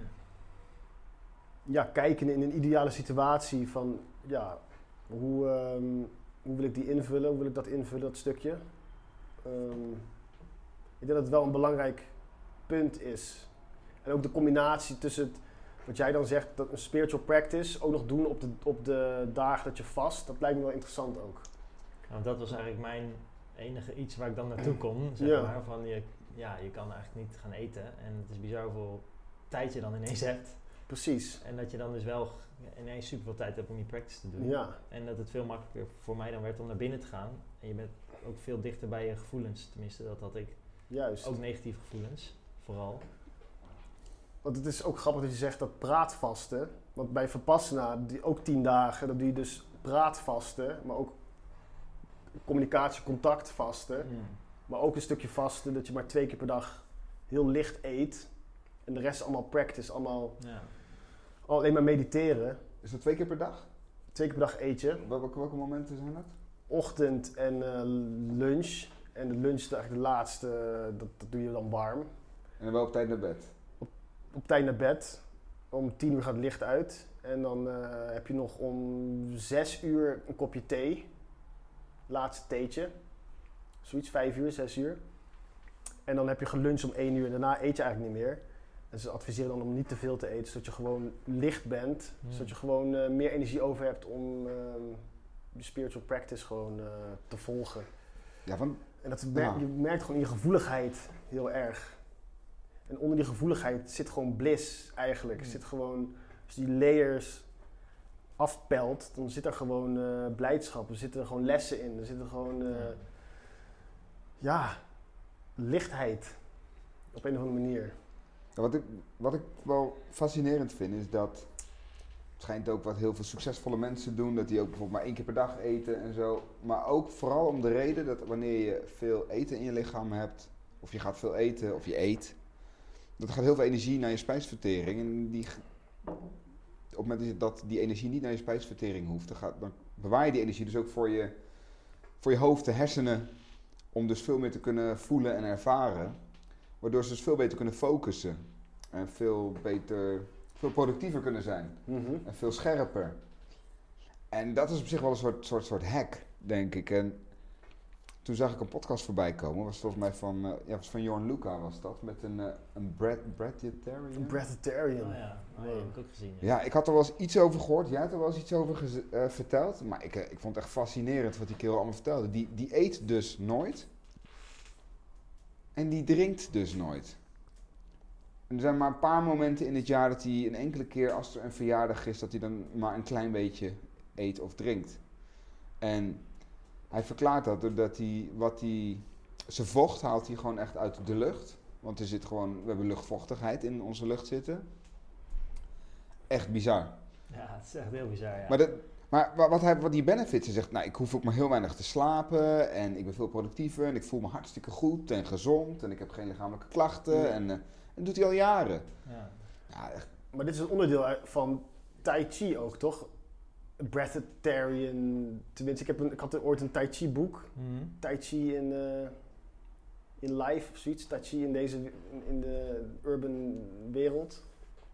En daarin stond ook dus dat je op een gegeven moment vanuit een van de manieren is om eh, heel gezond te blijven, is dat je verhuist naar de bergen bijvoorbeeld, of naar een, ergens waar veel natuurlijke chi is. Mhm. Dat je gewoon kan leven op de zonnestralen, sungazing en op frisse lucht. Mhm. werd heel erg in het boek verteld. Kan je daar iets over vertellen? Of? Ja, zeker ja. Het is sowieso interessant dat, dat Tai Chi... Er zijn zoveel mensen die er eigenlijk iets anders mee bedoelen. Afhankelijk van wat hun leraar bedoelde. En Mhm. er zijn zoveel aftakkingen. Dat het sowieso... Er zijn gewoon zoveel interpretaties mogelijk. En eigenlijk gaat het gewoon om de dans natuurlijk van yin en yang. Mhm. Die samen in eenheid een creatieve kracht vormen. Ja. En het symbool voor chi, toevallig heb ik dat eh, vorige week gelezen, ik ben zo'n boek aan het lezen. En eh, het Chinese symbool voor chi is eigenlijk lucht en graan. Een soort van die twee samen. En met graan bedoelen ze eigenlijk gezonde voeding en gezonde lucht. Eh, dus, Mhm. dus chi heeft eigenlijk heel veel dimensies en heel veel lagen. En het begint, het is een soort piramide. Het begint wel bij je fysieke lichaam. Dus je hebt niet voor, niet voor niets een lichaam. Mhm. En je lichaam heeft wel bepaalde behoeftes. Dus in de Tai Chi stromingen dan die ik heb die ik dan bestudeer en, en heb gevolgd, daarin eh, is het juist wel belangrijk om goed gezond te eten. Eh, maar er is wel yin en yang, zeg maar. Dus je, er zijn ook wel momenten dat je juist leegte wil omarmen. Mhm. Maar je wil wel gewoon die harmonie houden tussen volheid en leegte. Mhm. Eh, maar hoe hoger je gaat in die piramide, de fysieke werkelijkheid is er, maar je hebt ook zeg maar de, de andere werkelijkheden. En chi zit eigenlijk is een soort bindende factor tussen die spirituele werkelijkheid en de fysieke werkelijkheid. Is chi een soort bindend iets. Ja. Ehm, ja, en er zijn sommige pra- praktisanten die gewoon eh, misschien bepaalde skills hebben en talenten die ze heel ver hebben ontwikkeld, dat ze energie kunnen maken van licht en lucht zonder dat ze eten nodig hebben. Ja. Maar ik denk niet dat het per se specifiek bij Tai Chi hoort of zo. Mhm. Ehm, ja. Dus ja, ik weet niet. Ik ehm, zelf denk ik, als ik zoiets hoor, denk ik, wauw, wat knap dat iemand dat zo kan. Maar het voelt voor mij dan heel ver van mijn eigen bed of zo. Dat ik echt denk van, het zou voor mij in mijn leven wat ik nu leid niet echt haalbaar zijn. En het is ook niet- zeker niet wat ik, Ja, wat, wat hij zegt niet mijn ambitie of zo. niemand zou eh, van de een op de andere dag dat moeten gaan doen. Hij zegt Mhm. dat dat moet je ook gaan eh, beoefenen en inleiden en daar heb je ook begeleiding bij nodig. Hmm, Het scheelt wel ja. hoor. Je hebt niks nodig. Het scheelt wel. Hij zegt ook, het scheelt ook heel veel tijd. Je hoeft geen boodschap te doen, je hoeft niet te koken. Het scheelt je geld. Ja, Je hoeft niet naar het toilet. ja. Of geen toiletpapier meer te halen. Maar werkt het in deze maatschappij? Maar zeggen, want je bent dan zo gevoelig waarschijnlijk, neem ik aan, dat je zo open staat. Ja, wil je zo openstaan hier? Misschien wel. Misschien wel. Ja, Die man woont op een boot, toch of niet? Is makkelijk praten Dat weet ik niet meer. Maar ergens is natuurlijk suiker. Gaat sowieso wel makkelijk praten. Ja, nee, maar suiker eten bijvoorbeeld, dat is ook een manier van nummen, toch? Ja. Een systeem nummen. En eigenlijk zijn we met heel veel spirituele practices ben je eigenlijk je systeem aan het openen, Ja. gevoeliger aan het maken. Dus ook met Tai Chi, maar ook in, eh, bij Vipassana bijvoorbeeld. Ik heb nooit een Vipassana retreat gedaan, maar je, had er twee, twee Ik keer? één. keer. Zijn eh, gewoon in heel veel systemen ben je eigenlijk gewoon jezelf aan het openen en alles aan het stromend aan het maken, zodat die receptoren gewoon heel veel kunnen ontvangen. En volgens mij als ze zo hypersensitief zijn, op een gegeven moment kan je gewoon inderdaad dat soort hoge dimensies bereiken, dat je inderdaad gewoon kan leven op licht en lucht en, en, en wat allemaal. Ja. Maar ja, Ja, je dat is wel een ook- goede vraag eigenlijk. Eh, de- Om dat te gaan doen hier in deze matrix, zal ik maar even zeggen. Ja, Waarin alles erop gericht is om jou... Ja, ik denk zelf van waarom zou, je dat, waarom, waarom zou je dat willen? Ik geniet zelf heel erg van lekker eten. Ja. En we hebben niet voor niks een lichaam en een mond met tanden en een tong. ja. Dus ik denk, ja, we zijn toch juist hier om te genieten van, van de hemel op aarde. Tuurlijk, we maken er soms een hel van. De- maar ik word er veel blijer van, van hoe Ja. kunnen we nou de hemel op aarde manifesteren. Met alle dingen die daarbij horen, eten ook. ja. Maar dan wel in balans, want ja, je kan dus ook een pak koekjes opvreten. ja. En kijk maar hoe je je daarna voelt. En dat heb ik dus ook wel gehad in, na dat vasten, dat ik dan de dag daarna ineens gewoon keihard ging binge vreten. En gewoon echt, gewoon vijf stukken taart ging eten en zo. Ja. Hey. Omdat ik eigenlijk een soort van helemaal op zoek was naar die balans. En dat was dan die journey als het ware. Eh, Maar het was wel vallen en opstaan. Ja. Maar wat jij net zei over dat één maaltijd per dag. Eh, ik heb een keer een boek gelezen, de, de Warrior Diet heet het. En dat ging dus ook over een man die at maar één keer per dag at, net als warriors vroeger. Eerst gingen ze gewoon eh, naar het strijden of op jacht. En aan het einde van de dag zaten ze om een vuur en dan hadden ze een, een beest gevangen en dat aten ze dan. En hij zegt dan als je één keer per dag eet, bijvoorbeeld, hij zei dan in de avond mag je gewoon zoveel eten als je wil. En eh, voor de rest is het gewoon vasten. Dat heb ik een maand geprobeerd en het was echt top gewoon. Ik voelde me echt, echt super goed. Oké, dus, dus heel even, dus, dus, dus alleen s'avonds eten, maar wel zoveel als je wilt. Ja, s'avonds kan je gewoon helemaal los. Dus gewoon alles ramadan eigenlijk. Weet je wel eigenlijk. Ja, maar ik, een dan, ik ging dan om eh 6 uur s'avonds gewoon eten. En Ja. dan was ik echt serieus tot 9 uur of zo aan het eten. Ja. Gewoon echt meer dan gewoon vier Maar gangen. dan ging je dus altijd maar wel met een, met, een, met een zware gevulde maag naar bed. Ja, en dat is eigenlijk waarom ik het op een gegeven moment niet meer ben gaan doen. Want ik, ik at me dan zo vol en dan ging ik echt zo naar bed, zo pff, weet je, helemaal vol. En dan de volgende dag zet je bijna nog steeds vol voor je gevoel. Maar wat is de regel voor jou? Wat was dat? Nou, dat de regel was gewoon één, één keer eten per oh, dag. één keer, één keer eten per Eén dag. keer eten per dag. Maar ik had wel in de dag, dan in de ochtend voelde je nog steeds een beetje vol. Maar rond Ja. een uur of 10, 11 kreeg je echt super veel energie. En dat bleef echt consistent gewoon tot 3, 4 uur s middags. En dan daarna kakte ik wel weer in. Want logischerwijs zou je het misschien vijf uur 's ochtends doen. En dan gewoon En dan super veel. Ja. keihard eten. Ja. Om dan de hele Ja. dag op te teren. ja. Ja, maar je wil dan juist... word je- je langzamer. Ja, maar dan, dan eh, heb je dus wel dus gedurende de hele dag dat je lichaam aan het verteren is. En dan heb je die benefits weer niet. Ja. ja, dat is waar. En het is grappig, het woord breakfast. Het heet eigenlijk break fast. Ja. Dus je breekt eigenlijk de vast die je toch aan het doen was. Ja. Leuk. Dus dan kan je hem net zo goed even wat langer doorpakken als je dat wil. Ja. Als je die benefits daarvan wil. Maar ja, er zijn ook bijvoorbeeld mensen nu Dat die zeggen dat vasten ook weer eh, niet goed kan zijn als je er heel veel stress van krijgt. Dat je bijnieren ook weer Ja. kun, zich kunnen uitputten. Ja. En dan kom je misschien weer uit bij Ayurveda van sommige types. zijn misschien niet beter af met vasten, omdat ze Ja. al zo luchtig zijn van zichzelf. De medical medium zegt, jongen, het vast is, als je geen celery juice neemt, dan heeft het allemaal geen zin. Je kan vast wat je wil. Oh ja, zegt hij dat? Ja. Ja, ja. Maar als je geen celery juice neemt, dan, ja, dan ben, wat ben je nou aan het doen? Dan Ja. ben je niet aan het cleansen. ja. Dat is leuk en aardig. Maar dat is een side note. Ja. Celery juice is ook interessant, op lege maag. eh heb ik ook een tijd geprobeerd. Ik voelde me super goed erbij. Ja, hè? Op lege maag. Dat was het eerste wat je dan deed in de ochtend. Ja, in de ochtend gewoon meteen een half liter celery juice. En dat maakte je met een slow juicer of zo? Ja. Toevallig vanochtend een glas genomen. Dus Ah, ik ja? probeer het nu een beetje erin te komen. Ja. Het heeft lang geduurd, maar... ja, medical medium. Ik, ja, was helemaal, Is, is, eh, het de moeite waard om dat, dat, dat te gaan doen? Dat, eh, Ja, ik, ik, voelde me toen gewoon heel, dat ik heel veel energie dan ervan kreeg. Maar ja, ik voelde me er goed bij. Dus ik zou zeggen, het is de moeite waard. Maar er zijn ook systemen die zeggen, nee, het is beter om iets warms te drinken s ochtends. Ja, Dus ik Maar- dronk ja. ook wel vaak een glas warm water erbij. Ja? Terwijl de medical medium zegt, nee, gewoon alleen celery juice, niet eens water, gewoon alleen hij is dat. echt militant. Mm. Ja. Maar als je de medical medium een beetje volgt, en doe dat vooral, Ja. of, en luister vooral ook die podcast ja. te- eh, over koffie bijvoorbeeld, of cafeïne, en ook over... eh, hij heeft verschillende, verschillende podcasts. Wat zeg je Ja. erover? Altijd komt hij uit op celery juice. Ja, Omdat het, en hij is dan degene die dus het... Ja, hij is een me- met de medical medium. Hij, hij, hoe noem je dat ook weer? Hij is een, medium gewoon. hij is een medium. Hij, hij communiceert dus met, met planten. Hij krijgt dus door ehm, van de planten wat goede re- rem- remedies zijn voor, voor de mensen, zullen we maar zeggen. En die deelt hij in boeken. Dus hij heeft verschillende boeken geschreven.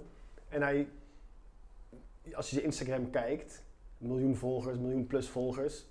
En dan zie je dus ook heel veel mensen met chronische ziektes. En dan zie je before en after en hele verhalen. Je ziet gewoon constant reviews van mensen die Allemaal gewoon... real. Allemaal real, die gewoon geheeld zijn Door die... door die celery juice, puur die fucking celery juice. Hij heeft nog een paar andere smoothies die hij dan ook eh adviseert. Heavy metal detox smoothie Heavy heeft metal om detox. zware metalen te, Ja. af te voeren. Dus, en hij is ook Zeer bewust van al die dingen, gewoon van de chemtrails en de vaccine, al die bullshit. En er is maar één manier om die te cleansen, zegt hij. En dat is godsend en dat is fucking celery juice. Ja, En dat is gewoon altijd fucking lijp verhaal in die podcast. Ja, Echt ja. een uur poëtisch over eh, al het gevaar in de wereld. Eindstand. En, eindstand Celery. celery juice. Ja. Elke dag celery juice. Heeft Als je dit niet doet, boeken zo dik. dan ben je Gewoon dat doen. Podcast van uren en de, gewoon de, de punchline is altijd drink je juice, celery celery juice. En dan zegt hij ook hoeveel? Het is gewoon eh, één glas in de ochtend. Hij is heel specifiek. Hij is specifiek, ja. Ja, half Ja? liter volgens mij. is heel specifiek. Gewoon celery juice. Maar niet uit of het biologisch is als je maar fucking celery juice doet. Hij zegt zelfs als je niet biologisch kunt krijgen, neem gewoon niet biologisch. Het is zo goed voor je dat zelfs dat goed voor je is, zeg maar. Oké, oké. Hij is echt heel extreem erin. Hij is heel extreem erin. Maar hij zegt het is de enige manier om, om jezelf echt te helen. Op, op het puurste celniveau, zullen we zeggen. En je cellen die schreeuwen gewoon om die... Juice. Je, je, je, je, allemaal om je lever te toxen. Je, Cellulitis je gewoon. lever te, te, te detoxen. Tot je lever toch waar het om gaat. Ja, ik heb een keer echt erin gedoken en toen, wat ik heb onthouden is dat er celzouten in die, eh, in die celery juice zitten. En die Mhm. celzouten, die hechten zich aan toxische stoffen in je lever Ja. en je nieren. Waardoor ze afgevoerd kunnen worden. Ja, en die, die celzouten die hechten eraan en dan wordt Ja. het afgevoerd. En dan plas je het uit en dan poep je het uit. Maar dat kan alleen als het helemaal leeg is, zeg maar. Want dan, dan stromen die celzouten zo naar de goede Daarom in de ochtend Ja. dus. Ja, en hij zegt dus dat je lever is een soort, ehm, een soort stapeleffect van toxische stoffen. Dus je lever is eigenlijk altijd aan detoxen. Ja, Maar we eten zoveel toxische dingen. En Ja. heb je inderdaad ook de verborgen toxines zoals eh, uitstoot van, eh, weet ik veel, benzine, Ja. en, eh, parfum, het, parfum en ja, alles gewoon. Alles. Met een, veel. ja, Alles wat mensen eigenlijk hebben gemaakt is gewoon een soort toxisch. toxisch. En je lever moet het allemaal afbreken. Ja, en schijnbaar dus als je dus... Je hebt dus een bepaald... De bacteriën die dan dat proberen af te breken ook. En dus je hebt een, een heavy metal, heb je dan. En dat, dat die bacterie probeert dat dus af te breken. Die, ne- die, die neemt dat in. En die probeert dat. Maar die poept dus iets uit, want hij krijgt het niet weg. En dat wat daar dan uitkomt, dat poepje, dat is highly toxic. Ja. En dat krijg je nooit weg. En alleen met celery juice krijg je die poep Ook nog weg.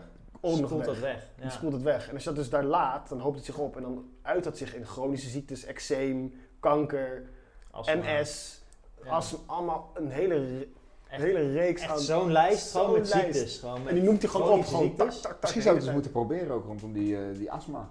tijd. 100 Ja. Misschien is dat wel een eh Echt. goede Maar wat hij dus remedie. zegt is dat je, je lever is eigenlijk een soort wondermachine die alles schoonmaakt.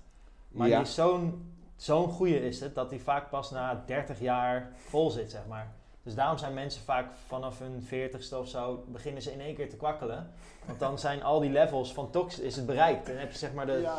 Dan loopt hij over. dan loopt die over. Ja. En Dan dan, komen- krijg dan krijg je die dingen, symptomen. want dan gaat al die shit komt gewoon in al andere Ja. organen terecht. En Ja, maar dat, dan wordt het echt, dat is niet goed. Nee, en dan is een soort point of no return. En die celery juice leegt dus dat bassin, zeg maar. Maar heeft hij het ook over kuren? Of zegt hij van dit moet je gewoon voor de rest van je leven doen, dat is het beste? Het liefst. Nou, hij heeft Hij heeft over wel kuren, hij 30 heeft wel kuren. dagen celery juice cleanse. Ja. 30 dagen elke ochtend, halve liter. Dan, ben- kan, dan kan je er weer tegenaan. Dan kan je, Vooral kan, als je, kan je echt je ziek leven bent, weer... als je ja. bijvoorbeeld MS of chronische ziekte hebt, dan raadt hij dat sowieso aan. Ja. Maar als je gewoon fairly gezond bent en preventief, dan gewoon elke dag een halve liter, whatever, whatever. Dat is Ja. gewoon het minste en het beste wat je kan doen om jezelf daadwerkelijk gezond te houden. Want je kan spieren hebben, je kan denken dat je gezond bent, maar als je die, die toxies, die highly toxische stoffen niet weghaalt, ja, dan gaat het op een gegeven moment toch ophopen en eh, je ziek maken. Dus, en dat bewijst Ja. de huidige maatschappij ook, Het toch? is echt heel interessant om hem, eh, om hem te volgen. En het is, die podcast is ook super poëtisch. Hij kan, Ja, ja, hij schrijft allemaal gedichten en zo. Het zijn allemaal gedichten. Ja. Het is echt. Het is mooi. Het is echt Ja. mooi. Het is een mooie, mooie Het is echt een goede aanrader. Maar hij is heel controversieel wel, want heel veel mensen zijn het echt niet met hem eens en eh, worden boos op hem en eh, wat hij allemaal zegt gewoon. Er zijn zoveel verschillende meningen ook over voeding. Het is wel bizar. Ja, hij legt ook de verantwoordelijkheid bij jou, bij jou neer, zou ik maar zeggen. Maar ja, de, de, de mensen. eh, Hij heeft niet voor niets zoveel volgers en zoveel mensen die eh, bij hem zweren. Ja. Of die echt geheeld zijn daardoor. Ja, zo kan je natuurlijk, heb je natuurlijk ook verschillende cultleiders die dat eh, kunnen claimen Ja, of zo, ook, weet ja. je wel. Ja. Wat ik wel lastig vind, ook, ook als het gaat dat vasten en zo, hè, en die scherpte of het warrior dieet. Ja. Om dat te kunnen combineren met bijvoorbeeld veel sporten. Da daar, daar heb ik heel veel vraagtekens bij. Ik, hoe, hoe zou ik dat kunnen doen, weet je? Als ik denk van, oh, eh, stel je voor, bijvoorbeeld zo'n warrior eh, lijkt me hartstikke tof. Om dat een beetje te kunnen te combineren met een beetje carnivoorachtig. Dus s s'avonds lekker goed vlees eten. Ja, maar dat had trouwens wel in dat boek Ja. stond een volgorde van. Had een soort volgorde van je begint met eh, wat lichtere dingen, geloof ik. En dan ging je soort van naar wat zwaardere proteïnes. En eh, ik weet de volgorde niet meer uit je hoofd. Maar, in, de loop van de dagen? Of, of Nee, nee, gewoon elke avond van je zorgt dat je graan hebt, proteïnes, groentes. Dat je al die categorieën, maar een bepaalde volgorde zat erin. Maar ik zou dat, ja, dan zou dat boek even moeten checken, Warrior Diet. Hij heeft het helemaal uitgedokterd. Maar, dus, maar dus in combinatie met sporten? Oh ja, nou, dat weet ik niet. Nee, daar, daar ben ik dus, dus, dus heel nieuwsgierig naar. Ja. Sporten op lege maag lijkt me gewoon niet relaxed. Wel lang gedaan met int- intermittent fasting. Ik zou maar zeggen, dan 's ochtends niet eten en dan pas om 1 uur eten, maar 's ochtends wel sporten. Dat doe ik eigenlijk altijd. Als ik 's ochtends wakker word, ga ik eerst sporten en dan pas later eten. Ik heb daar zelf niet zoveel problemen mee. Ik vind het juist fijner op lege Ik maag vind het ook sporten. fijner, ja. Je hebt Veel meer energie en meer, Ja. ja. ja, minder moe gewoon. Heb je niet als je wakker wordt dat je gelijk honger hebt? Of dat je je maag al voelt knorren, zo van, oh, er kan wel wat gegeten worden. Nee, Nee, niet zo extreem, nee. Ik drink mijn glas water, ik ben wel cool eigenlijk. Maar ja, iedereen zijn spijsvertering is misschien ook anders. anders, Een ander ja. gevoel, Zeker. ja. Dus Dat is, wel, dat is ook wel weer zo. Ja, een en misschien ook. dat is ook waarom het misschien lastig is om eh, al, die, al die quests in de voedsel... Omdat gewoon, het, is- het is niet one size fits all. Nee, Nee. nee, dat maakt het echt eh, gewoon een persoonlijke journey, toch? Het is een persoonlijke Ja. journey, is maar het is eigenlijk wel mooi. leuk om te experimenteren. Ik vind het wel leuk om dingen Ja. te proberen, zeg maar. En dan te Ja. kijken wat het met me doet. Ja. Ik ben wel een tijdje echt een soort van verslaafd geweest aan juice, juice eh, fast. Gewoon alleen maar op sappen leven. Ja. Smoothie in de ochtend en dan twee juices overdag en dan s'avonds weer een smoothie. Ja? Er is zo'n Jason Veel heeft zo'n app en dan eh, had hij een 3-day juice detox en dan een 7-day en dan een 14-day en op een gegeven moment had hij een 28-day met een documentaire. Ging je eerst die documentaire kijken en eh, Heb je het gedaan? ja, ja, ik heb die toen allemaal gedaan, maar ik, ja, ik was toen nou echt eh, Wie, is, bij- wie is dit? Jason? Jason? Veel. Ja, ik volgde hem eh, in best wel een tijd geleden, in 2014 of zo, of 2013. Maar ik weet niet of hij nu nog bekend is. Maar in ieder geval toen was dat echt, had hij een app. En, eh, maar van dat juicen krijg je zo'n soort adrenaline kick of zo. Je krijgt zoveel vitamines binnen dat je Mm. helemaal een soort gevoel hebt alsof je net twee koffie op hebt. Hè? Helemaal Ja. zo, ah, helemaal vol met leven, weet je wel. Sugar Rush ook. Een soort sugar rush. En uiteindelijk voel, was ik het soort verslaafd aan dat gevoel. En ehm, ik weet niet, het voelde toch, op een gegeven moment heb ik het te lang gedaan. Waardoor ik dan toch helemaal uit balans raakte. Want Mhm. je hebt toch tanden gekregen om te kauwen op dingen, weet je wel. En ik denk, nou ja, waarom ga ik eigenlijk alles de hele tijd drinken? Je moet gewoon kauwen. Je moet gewoon eten, weet je wel. Dus, Schijnbaar die vezels zijn ook belangrijk. ja, ja, dus dan mis je wel een hele slappe kaak. Gewoon zo, eh. slappe kaak, ja, en je stoelgang wordt heel weinig, want je eet eigenlijk heel veel dingen die je lichaam nodig heeft, dus er is weinig afval gewoon. Mm. Dat lijkt me nou wel weer positief, toch? Ja, dat is op zich wel positief. En het kost gewoon veel- best wel veel tijd om de hele tijd die juice eraf te wassen en zo. Ja. Nee, ik weet niet meer. Ik ben, ja, Het is allemaal koud. Je, de- het is allemaal koud, ja. ja. Het voelde wel op een gegeven moment een beetje uit balans, omdat ik het te lang deed. Maar ik denk dat één keer per jaar of zo gewoon zo'n paar dagen op sap leven. Dat lijkt Ja. kan geen kwaad. nee. Maar s ochtends doe je alsnog wel juice, toch? Dat, dat, is, dat is toch wel Ja, ik heb er nu vaak geen tijd voor, omdat ik dan vroeg weg moet. Dus dan maak ik een smoothie. Maar als ik tijd heb, dan maak ik wel celery juice in de ochtend. Ja. Ik probeer Oh. wel één keer per week in ieder geval Maar één. je bent wel die smoothie ontbijt Ja, dat wel. toch? Ja. Ja, dat wel. Ik vind dat wel gewoon top. Vanochtend heb ik ook wel een, een smoothie eh, gedronken om kwart over acht. Ja. En verder niks dan. En dan lunch ik gewoon om een uur of één. ja. Ja. Oh, zo. Ja. Ik, doe eens, ik, ik word wakker. Dus gewoon eh, bulletproof koffie. Een smoothie met flikker ik van alles in. Mm. Dan sporten. En dan eieren. En dan... Rauw. Nee, maar ik gooi wel een rauwe ei in mijn smoothie. Ah ja? Ja, ja. Ah, ja. ja. Ja. Oké, ja, interessant. Ik doe het andersom. Ik ga eerst naar buiten, dan ga ik eerst even sporten, dan doe ik dan mijn tai chi. En dan als ik thuis kom, dan heb ik wel echt honger. En dan denk ik echt zo, oh, ga ik lekker wat eten, weet je wel. En dan ga ik wel een smoothie. Het lijkt alsof ik een beetje bang ben ook voor honger. Ik denk dat het voor heel veel mensen geldt. Ja. Ja. het is ook, je lichaam moet er ook aan wennen. En ik denk ook dat er- dat ervan afhangt wat voor sport je doet. Ik denk als je echt heel zwaar krachttraining doet, dat je dan misschien wel wat moet eten. Maar dat doe ik niet. Dus ik doe meer een beetje bewegen en een soort van zorg dat ik even een beetje zweet. Dan- springen. Touwtjes springen, ja, maar gewoon meer, meer op, op flexibiliteit en eh, behendigheid. Eh, daar, daar word ik blijer van dan. Ik, ik, wil, ik, hoef geen, ik hoef niet slap te zijn, maar ik, ik heb niet echt zin in veel krachttraining of zo. Dat, ja. Sommigen doen heel veel krachttraining, toch? Ik weet niet hoe jullie dat zien, maar. Je had een theorie daarover, toch? Voor jezelf? Ja, ik heb er wel inderdaad een theorie over. Dat is, eh, inter- ik weet niet of jullie dat interessant vinden, maar Ja, het heeft wel. te Dan- maken met Tai Chi en Qigong. Dat je, ehm, je wil eigenlijk je lichaam trainen. In Tai Chi train je eigenlijk je lichaam om je grote spiergroepen te ontspannen en te bewegen vanuit die ontspanning. En om je, zeg maar, je, vooral je skelet als het ware, ja, ze noemen het bones up, flash down. Dus je beweegt eigenlijk vooral met je skelet, terwijl je grote spiergroepen ontspannen, hangen in de weefsels. Mhm. Die weefsels houden normaal gesproken je spieren en je botten bij elkaar. Mhm. Maar als je grote spieren aanspannen, dan zitten die spieren heel strak om de botten heen. En die weefsels zitten daar weer omheen. Maar in Tai Chi wil je ruimte, een stretch creëren in die bindweefsels. Mhm. En daarvoor moet je dus die grote spieren leren te ontspannen, terwijl je wel beweegt. En dat is best moeilijk. Dat is echt een soort skill. Maar op het moment dat dat lukt, gaat die chi echt stromen als een, als een snelstromende waterval. Ineens voel je het gewoon echt open allemaal. Ja.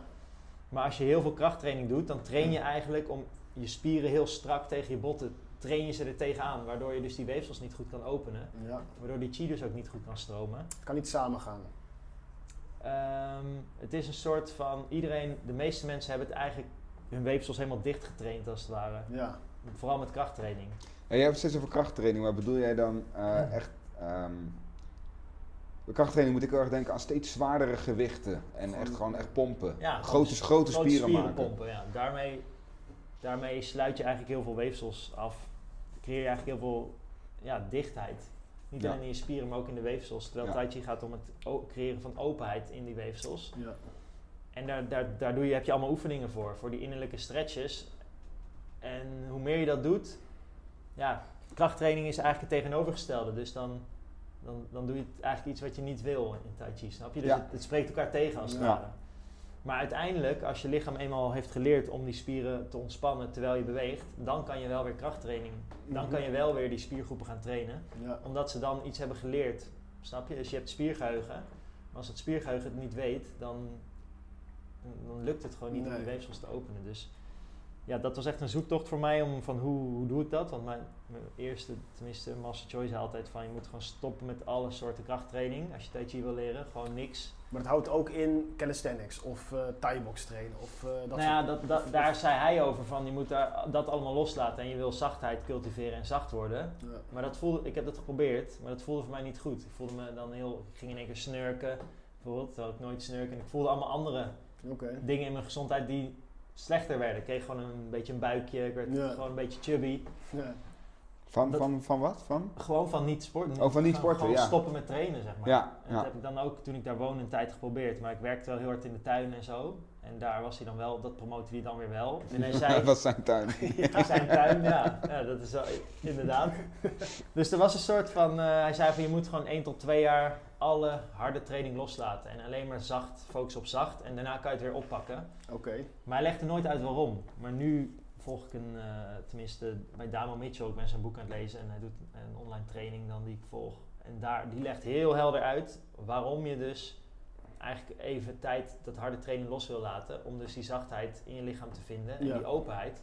En dat je daarna gewoon weer die training kan doen. En ook de Tai Chi legendes zeggen dat ook. Van eerst heb je een soort moment van je lichaam klaarmaken voor Tai Chi. Dan word je, krijg je een Tai Chi lichaam. En dan gaan ze in één keer trainen met zware Ja, ijzeren ballen en zwaarden. En, dus dan gaan ze in één keer weer hun lichaam sterk maken. Maar dat is dus een soort proces van eerst iets afleren en dan weer iets nieuws aanleren. Dus de hoger niveau Qigong, of Tai Chi meesters of zo, die, die zijn, dat zijn gewoon eh, kasten ook. Ja, die kunnen wel weer Gewoon zieke Ja. ballen en zwaarden gewoon. Ja, ja die, die gaan weer gewichten gebruiken, zeg maar. Maar er, er is een fase dat je dat even loslaat. Omdat je lichaam eigenlijk wil herconditioneren om dus die fascia te kunnen openen, die Maar Is weefsels. dat, is dat een bewust doel van jou, dat, dat je eerst eventjes die fase door wil gaan? En Ja, daarna even... nou, ja, nou nee, ik, ik hoef niet eh, groter te worden. Allan wil gewoon heel graag met jou sporten. Ja, nee, maar ik, ik, hoef, ik, ik sport echt voor mijn gezondheid. Ik geloof gewoon dat een gezond lichaam gewoon ja, fit is en in staat is om gewoon een sprint te trekken en daarna gewoon, weet je wel. Dus ik Ja. vind dat gewoon een leuk idee. Ja, Dat ik gewoon, als ik iets fysieks moet doen, dat ik dat dan kan, ja. zeg maar. En dat het geen vraag voor mij is van of ik het fysiek wel of niet aan kan. Hoef geen superman te zijn. Je hoeft er niet in te groeien, zo zeggen. Dat Nee, niet dat je elk jaar sterker Nee, wordt nee. of zo. Dat ik niet. wil het gewoon maintainen. Gewoon, het gewoon maintainen. zoals het is. Ik ben er blij mee. En Ja. het- als ik het niet onderhoud, gaat het weg. Dus ik moet het wel onderhouden, maar ik hoef ook weer niet dat het mijn hele leven domineert, weet je wel. Dat ik alleen maar bezig ben met, oh, dit niet eten, Nee, en dan sporten. en- Er zit wel een groot grijs vlak natuurlijk tussen het laten domineren en ja, het bijhouden. ja. En Maar dat voor jou is gewoon eh, het bijhouden, dat is, dat Ja. is gewoon genoeg. Ja. Ja, ik zie het gewoon als onderdeel van mijn practice, Ja. weet je wel. Je lichaam. Niet alleen gezond eten, maar gewoon bewegen en een beetje variatie ook in je beweging. Ook een gezonde gedachte, denk ik. De skillset heb je al. ja, ja, die skillset. Dus, skillset dus dat, is, dat je kan ik jezelf het goed en- verdedigen en eh, dat zal nooit verdwijnen. Nee. En dat is ook dan die, die Damo Mitchell die ik nu dan volg. Die zegt ook heel erg, die promoot eigenlijk heel erg martial arts. Voordat je überhaupt iets van Tai Chi of Qigong gaat doen in je tienerjaren, ga gewoon lekker Kung Fu leren. Ja. Of ga gewoon een, een Aziatische martial art leren voor je zelfvertrouwen en om je lichaam te leren kennen. Mhm. En later komen al die spirituele practices dan erop. De Ja. zachtheid en zo, dat is allemaal voor later. Maar dat je eerst gewoon die andere kant ook kent, weet je wel. Dus Ja. dan is het toch weer een soort yin en yang. Ja. En in mijn leven ben ik in een soort natuurlijk proces daar al in terecht gekomen. Dus als ik hem dat, dat dan hoor zeggen, dan denk ik, oh ja, resoneert heel erg zeg maar met hoe, ja. met hoe ik het zie. Dus En daarin is jiu-jitsu wel de perfecte sport om eh, naast tai chi te doen. Het zou wel kunnen, ja. Het lijkt me wel leuk om een keer te doen. het eh. veel, de gentle heel veel zachter is in die zin. ja, ja, En niet zo, eh, ja, dat zeg ik nog wel, maar ja, het is maar net hoe je, hoe je het ook want jij benadert. doet, doe- jij doet jiu-jitsu toch? Elke week? Of? Ja, ja, twee keer probeer ik in de week.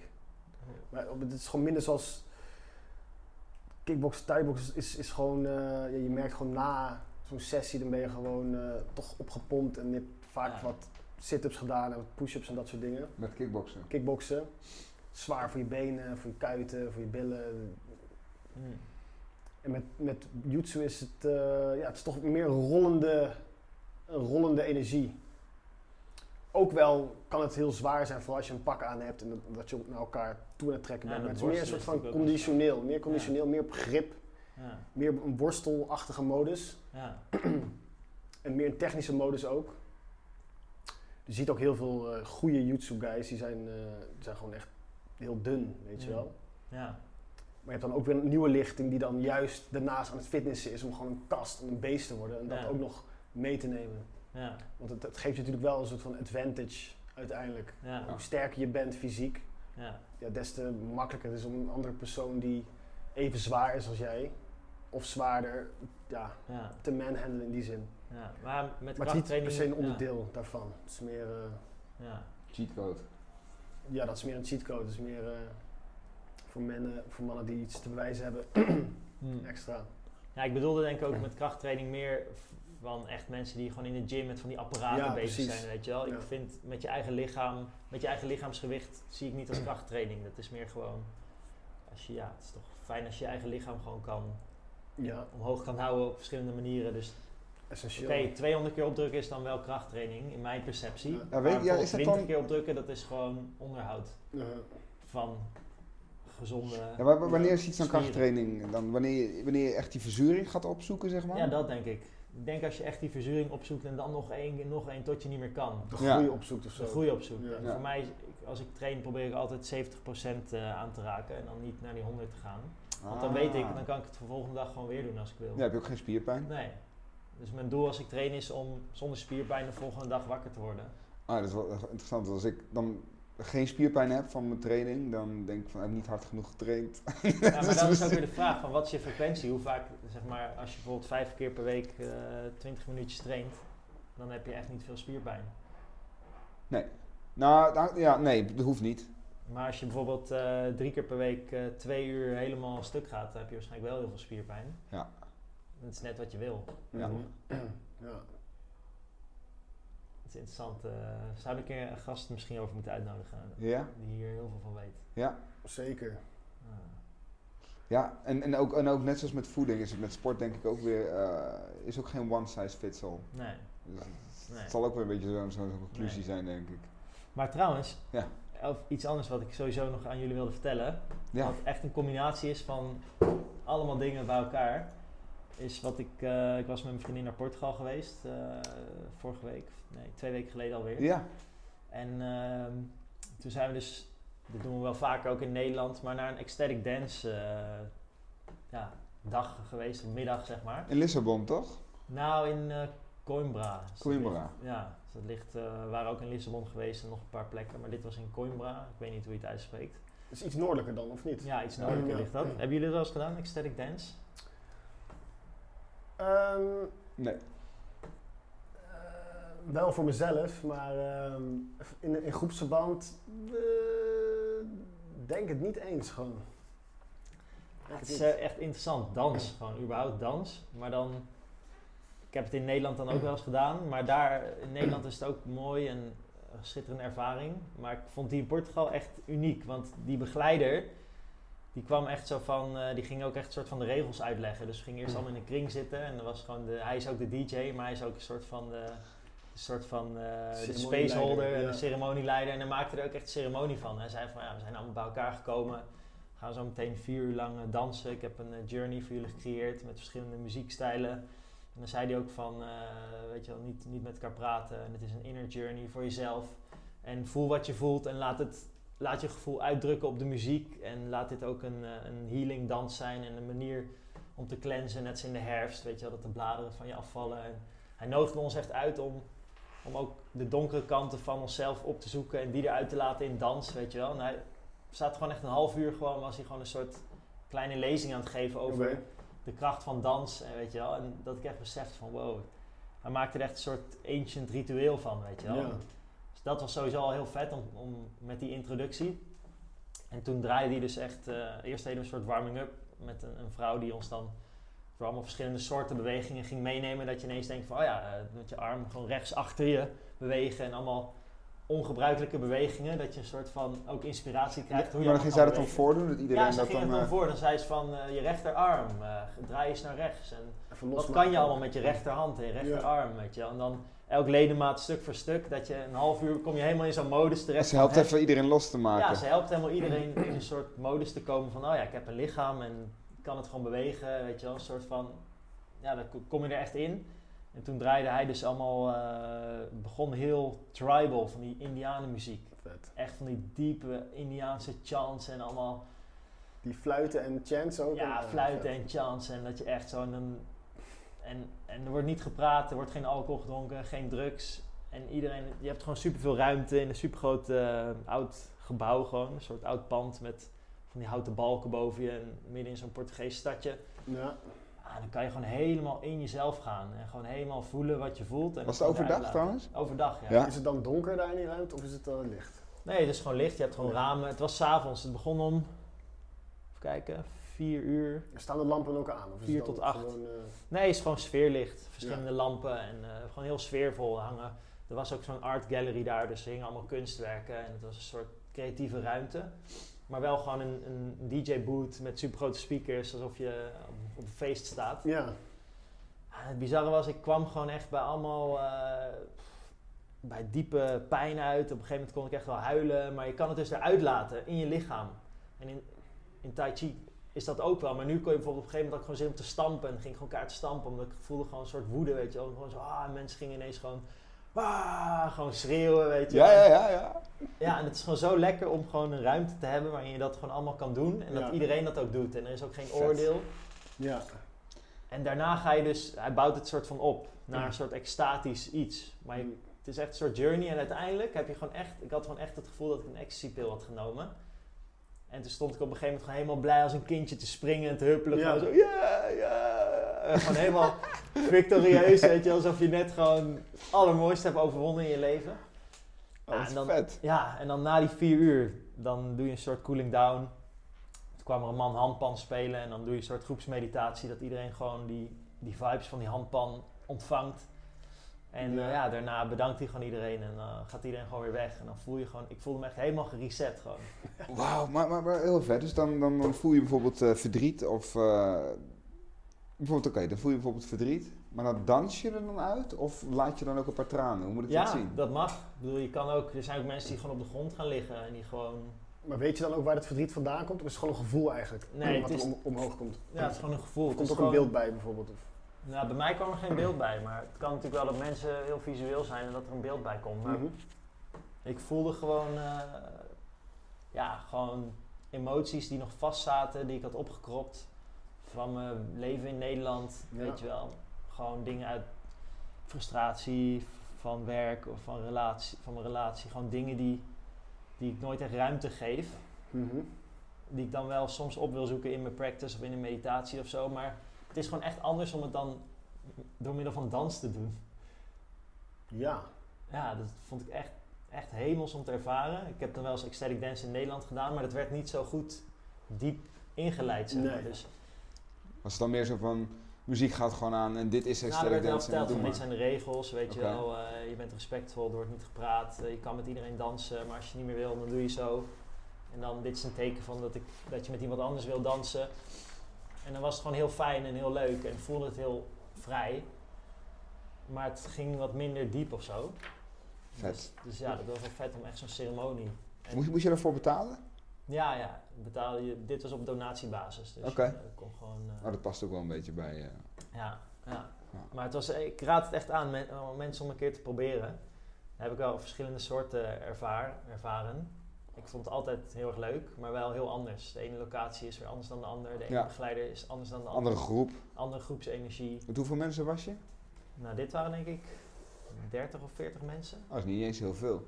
Dus Nee. na, na die vier uur ken je ook al die gezichten Ja, wel. ja, je voelt echt helemaal connected gewoon. Ja. En daarna zat je in een kring en dan mocht iedereen gewoon een beetje iets zeggen als je het wilde. was gewoon space van. Dus ik, eh, ik had dan ook gezegd van dat ik het echt de diepste ervaring eh, in de ecstatic dance vond die ik tot nu toe had gehad, zeg maar. ja. Dus dat was wel leuk. We waren laatst op Zieldingen, Zieldingen weekend, toch? Ja. En toen gingen wij 's ochtends ook even aesthetic dancing, Ja, toch? ja, ja, eventjes. ja. Ging je dan ook op die manier dansen, zullen we zeggen? Die Ja, dat kan wel. Sommige mensen doen het wel. Die gaan gewoon helemaal niet in het ritme. Helemaal zo, eh, die laten gewoon echt hun freak side gewoon zeg maar. Maar dat is toch ook een Maar beetje gewoon. normaal, toch? Of gingen, gingen de meeste mensen op de, op het, op de beat gewoon... eh Sommige dus mijn associatie is heel erg dat ik gewoon helemaal... eh, Ja, maar dat is het ook. ja, maar dat, dat is dus het. Je kan gewoon alles doen wat je wil. Er is geen...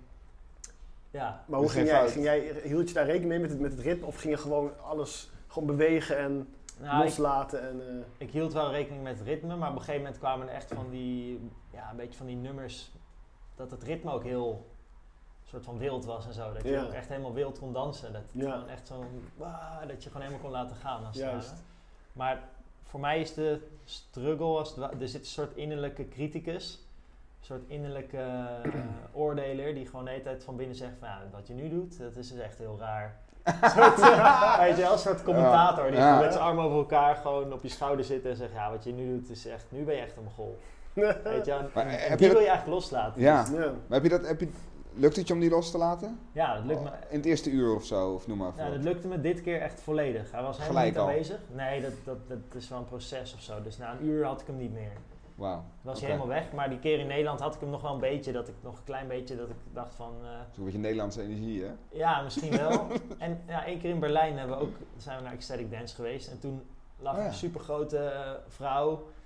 Die, lag, die was op de grond gaan liggen. En ik denk dat ze 130 kilo woog. Ze was heel groot. En ze had een mondkapje op als enige. En ze lag gewoon een beetje zo als een soort vis op het droge. Zo soms een beetje te sputterig. En toen... Cosmic orgasm. Ja, midden Ja, zo, ja, een soort cosmic orgasm. En toen, toen merkte ik wel dat ik een beetje een soort ja, oordeel had, toch in mezelf. Dat ik eigenlijk moest lachen. En dat wilde ik niet. Maar ja, ik lachte, ik lachte er stiekem een beetje uit. Maar toen besefte ik van, ah, dit kan echt niet hier, weet je wel. Dus Nee. toen voelde ik wel zo die innerlijke criticus die ook niet alleen kritiek heeft op mezelf, maar toch ook met een oordeel kan kijken naar anderen. Tuurlijk. En die kon ik toen wel echt heel bewust loslaten. Van, ah, weet je, dit is juist waar, ik ben hier juist om dat los te laten. En dat Ja. lukte toen ook. Toen ben ernaast gaan liggen.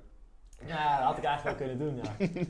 ja. Maar ja, dat soort dingen. je- Het is ook een soort journey of self-exploration, weet je wel. Van hoe- Juist. Ja. Ik denk altijd dat ik geen oordeel heb over anderen, maar toch stiekem wel, weet je wel. Ja, maar het is, hoe, hoe moeilijk is het...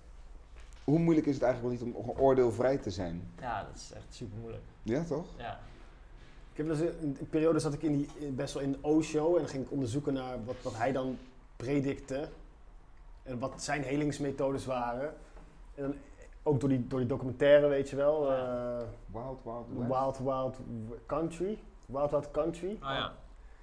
En ehm, een van zijn dingen die, die ze dan ook in die ashram 's ochtends doen en die ze ook nog eh, hier overal ter wereld eh, geven in die eh, Osh- Osho centers, is dus een ochtendmeditatie, gewoon aesthetic dancing, gewoon Mm. een half uur lang gewoon gaan. Dus ik heb ook een paar keer dat 's ochtends gedaan, dan 10 minuten of zo op zolder en gewoon loslaten. En, Mm. en wat je zegt, zelfs 10 minuten werkt al gewoon heel erg op je dopamine of endorfine. En je krijgt zo'n smile op je gezicht en je voelt je gewoon lekker in je lichaam. En je denkt, oké, Ja, ja. yes, ga gewoon. Het is zo simpel eigenlijk. Het is Ja. gratis, het is om de hoek, het is lekker. Gewoon 's ochtends even 10 minuten dansen. Dus dynamic meditation of zo is dat toch? Ja, Zoiets zo'n dynamic meditation. Ja.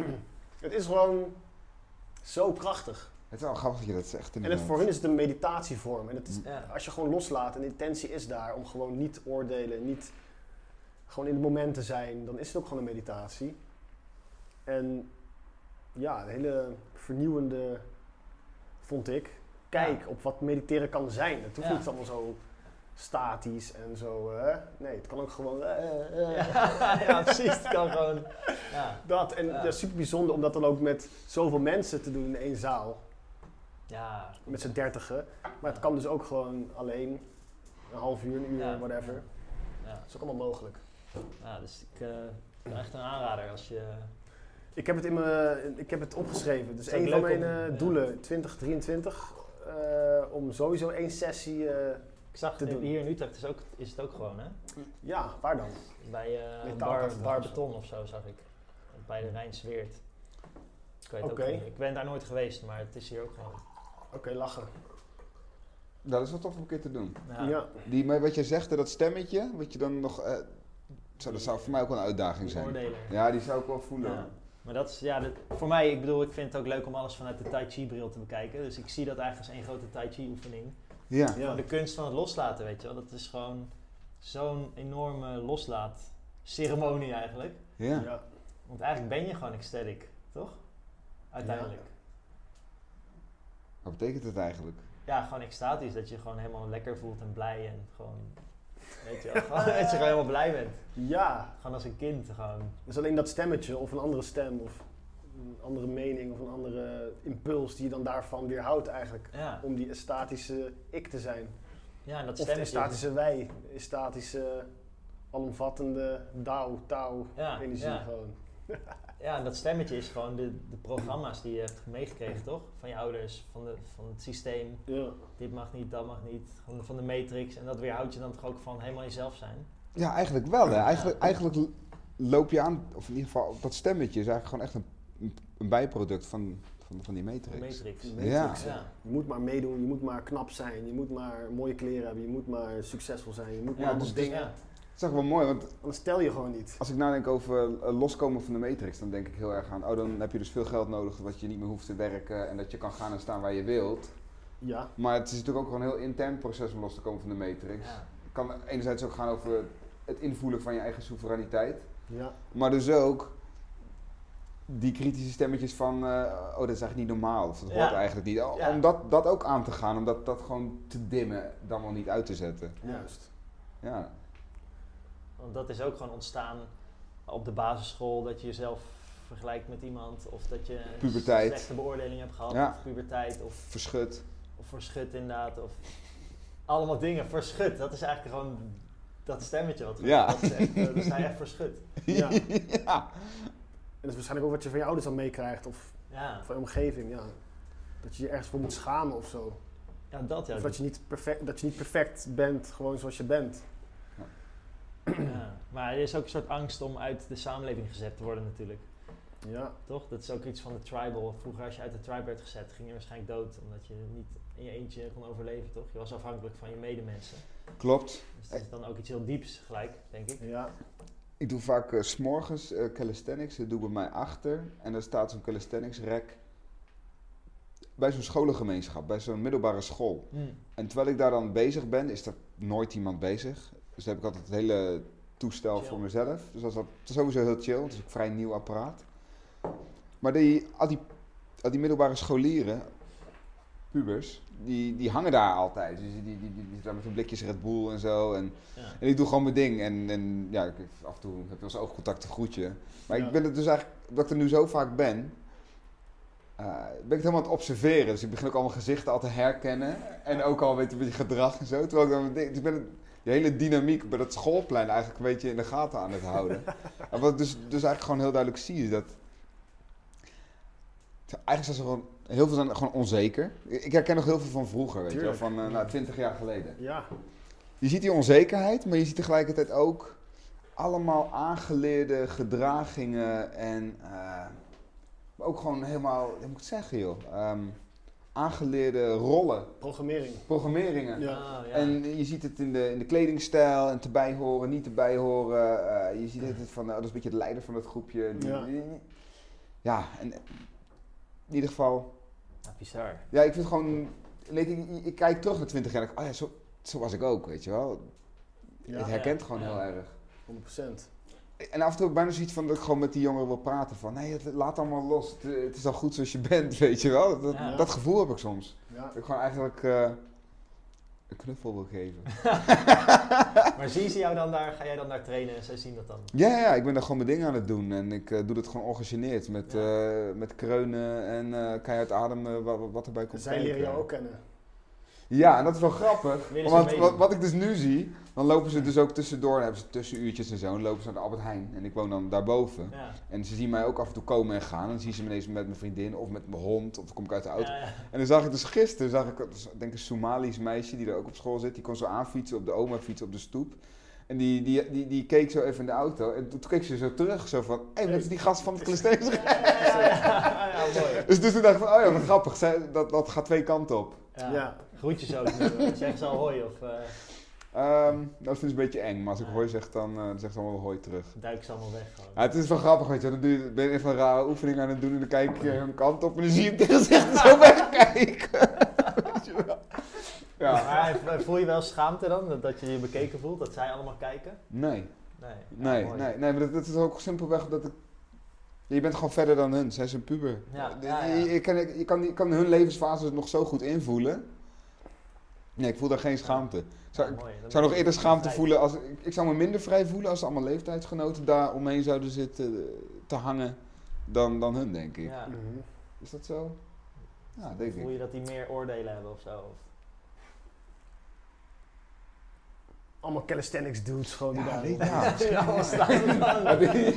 Ja, maar wat een gast die checkt gewoon die gewoon muscle-upjes met één arm. Ah. Maar eh, ja, het is wel eh, bizar. Ik, eigenlijk heb ik nog één, eh, ook een vraagje aan jou Ruud, maar wel van een hele andere orde. Uh-oh. Ja, Hele andere orde. Maar ik heb hem wel, dus ik ga hem gaan vertellen over de, de crypto-wereld. oh ja. Want ik weet niet of. Ja, jij zit er veel meer in dan ik, maar ik zit er ook al een beetje in. Maar er is wel veel aan de hand met dat die grote exchanges omgevallen. Oh ja. FTX. Ja. Een soort van het grootste, meest verschrikkelijke iets ooit in de crypto-wereld, zeggen ze. Dat soort van exchanges zijn een soort banken toch, waar je crypto's op hebt staan. Het zijn handelsbeurzen. Handelsbeurzen. En een van de grootste beurzen is soort van binnen één dag omgevallen. Had ik daar nou ook wat staan? En failliet gegaan. Dus heel veel mensen zijn gewoon al hun geld kwijtgeraakt daar toch? Die, die het geld weer op hadden staan. Ja, miljarden. Ja, miljarden. Ik ben benieuwd uh, eigenlijk hoe jij het ziet. Uh, of de cryptomarkt uh, ja, is nog interessant om in te zitten. Mag ik nog iets toevoegen? Want heb je het überhaupt gevolgd, die FTX? Ja, aan de zijlijn. Ja, ik heb het gevolgd, maar ik begrijp het fijne er niet van. Ik denk dat ik de grote lijnen wel hmm. begrijp van wat hier gebeurt. Toen kwam er nu pas achter dat, dat soms lijkt een exchange heel groot. Of een bepaalde, of het nou FTX is of een ander. Was laatst was er ook een, een bepaalde coin omgevallen, toch? Uh, Terra. Terra. Terra Luna, en dan soms is het gewoon maar één persoon of een klein team wat er maar achter zit, waar die gewoon miljarden beheert op een of andere manier. Ja. Dat, maar dat besef je soms helemaal niet. Dan zie je zo'n website allemaal cijfers en denk je van wow, dat is legit. dan, zie je, dan zie je een kantoor voor je met allemaal mensen. Ja, eindstand. er zijn het gewoon drie gasten op een zolderkamertje. Ja. Die gewoon ook verkeerde keuzes kan maken. Ja, ja dat, is... Um, wat dat betreft is de crypto-wereld is nog steeds cowboyland. Het is natuurlijk de, het is een nieuwe asset class. Dus het is de jongste. En uh, het is nog steeds niet. Eh, het is nog, nog geen volwassen markt, want het is nog steeds cowboyland. En dat komt doordat er nog steeds geen goede regulering en wetgeving is. Dus dat, dat gaat over verschillende dingen. Het gaat ook over een waakhondfunctie. En um, die SEC, die dus die rechtszaak heeft lopen tegen Ripple, mm die SEC die laat het nu gewoon uh, wederom weer gigantisch afweten. Um, en die zijn zwaar corrupt. En die bewijzen komen nu heel erg aan het licht. Wat is hun rol eigenlijk? Waarom bestaan zij? De SEC is er om de belangen van de investeerders uh, te behartigen. En om, om investeerders te beschermen eigenlijk. Van wat? Van verschillende assetklassen? Of? Om, om die te beschermen tegen, um, tegen marktmanipulatie. Maar de investeerders in, in wat? in bijvoorbeeld aandelen gewoon van de handelsmarkt, maar ook in crypto. In zijn algemeenheid. Gewoon investeerders in assets, die probeert de SEC te, daarvoor proberen ze er te zijn. Da, dat, de waakhond van de assets. Daarvoor is de SEC er, alleen in de praktijk is de SEC uh, is er heel veel corruptie gaande binnen de SEC. Mhm. Vooral hoog in de top. Mhm. En um, wat, er nu, ja, wat er nu gebeurd is, uh, is dit ook voor een groot gedeelte aan het exposen eigenlijk. Dus het is heel pijnlijk wat er gebeurt, maar tegelijkertijd is het ook wel heel erg goed. Want mhm. dit zou wel eens de um, aanleiding kunnen zijn dat er nu daadwerkelijk wel reguleringen komen. Mhm. Het is eigenlijk heel bizar wat er gebeurt. Er zijn nu allemaal instituties die nu al uh, zeker twee jaar kijken naar de SEC. De SEC is een overheidsorgaan van de Amerikaanse overheid. Die maar blijven vragen om, uh, hey, uh, wat zijn nou de regels? Vertel ons nou is het nou oké wat we doen of niet? Want we willen niet strafbaar zijn. Mhm. En we willen nog veel meer investeren en veel groter de markt op. Maar zijn we strafbaar bezig? Mag dit? Ja, nee. Ja. En de enige wat de SEC deed het zegt is van... Het is allemaal duidelijk. Um, er is gewoon wetgeving. Nee, het is heel belangrijk dat het duidelijk is en het is gewoon duidelijk. Maar ze zeggen dus eigenlijk helemaal niks. Nee. En het is, het is een heel apart spelletje. Maar het gaat over miljarden. Ja zijn persoonlijke belangen. Uh, het, het, is een soort. Um, het, is, het is eigenlijk een, een conspiracy die nu uh, steeds verder aan het licht komt. En de MIT, dat is een, uh, een hele hogeschool voor allemaal techneuten, ja. die lijkt involved te zijn. Mm -hmm. um, de SEC zelf is involved, mm -hmm. maar dus nu ook de Democraten met Biden mm -hmm.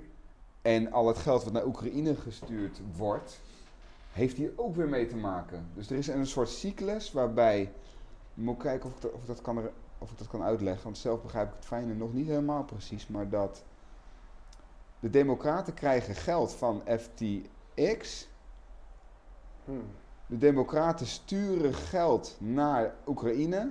Oekraïne koopt crypto bij FTX. En FTX, een soort, een soort witwasmolen van miljarden Hmm. die nu exposed wordt. Mhm. Dus het is nog veel groter dan alleen de cryptomarkt. Ah, Het gaat over de Amerikaanse overheid, het gaat over de Democraten, het gaat over Oekraïne. En daarmee zelfs ook nog over Ripple, waar ik dan net weer wat meer over weet. Omdat de, de Ripple natuurlijk nu nog steeds op lok gehouden wordt eh, door die SEC. Omdat de SEC nog steeds maar niet wil zeggen, is het een security ja of nee. Dus die rechtszaak die, die, die, die zijpelt maar verder en door. Dus wat hier nu gebeurt lijkt wel een soort major event. Die zou, waarvan de kans heel groot is dat dit gaat leiden tot eh, nu uiteindelijk toch een keer die duidelijkheid over die reguleringen. En dat zou er als volgt uit kunnen zien. Het zou eruit kunnen zien dat het congres, die boven de SEC staat, zou kunnen zeggen van... Oké, fuck de SEC, ehm, we gaan wel met de... Er is nog een ander, ander orgaan. De, weet ik de naam even niet meer van. Sorry daarvoor. Nee, maar ehm, dus ik weet er eigenlijk niet heel, heel veel van. Maar er speelt heel veel. Het is een super groot event. Er zijn in het verleden meerdere eventen geweest die ook de cryptomarkt in, in zich heel hebben doen laten crashen. Eh, MT Gox is er daar eh, een van. Dat was ook een cryptobeurs die toen eh, failliet ging en dat ging ook helemaal fout. Het En- schaadt wel het vertrouwen natuurlijk van de, de, de, de, de, de populatie of zoiets, de mainstream. is dat de bedoeling van die conspiracy of wat is de bedoeling van die zogenaamde conspiracy? Nou, natuurlijk zat een groot gedeelte financieel gewin. Financie- financieel gewin. En met die miljarden, waar zijn die miljarden heen? Die weg zijn. Ja, er zijn dus nu 32 miljard is weg.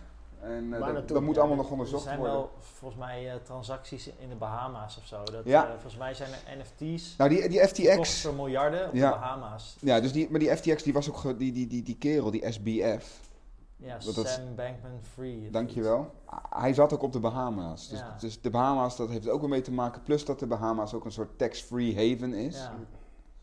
Ja, ja, ja. Want ik, dus, ik had een filmpje over gezien dat die Sam Bankman Free of zo, die zat daar met een paar matties. Hadden Ja. daar een, eh, die bitcoin uit Amerika, kochten ze. En dat verkochten ze aan Japan. En in Japan was de bitcoin 10% duurder dan in Amerika. Ja. En zij hadden dat door. Ja. En zij verkochten gewoon aan de lopende band bitcoin aan Japan. En toen kwamen ze erachter dat ze dat ook met allemaal altcoins konden doen. En Ja, dat is market making. Oh, marketmaking. Ja, En daar hebben ja. ze gewoon mega veel geld mee verdiend, toch? Ja, ja. Mega veel geld. ja. En zo hebben ze dus allemaal andere crypto-projecten zijn ze gaan funden met het Ja. geld wat ze verdienden. Solana en Sol- daar zijn weer allemaal andere projecten op gebaseerd. Ja, En uiteindelijk is dat allemaal vanuit FTX. ja. Die exchange, dat, die hebben zij gewoon ge- begonnen. ja. En die is omgevallen. Dus alles wat zij hebben aangeraakt met dat Waardoor geld. is het omgevallen?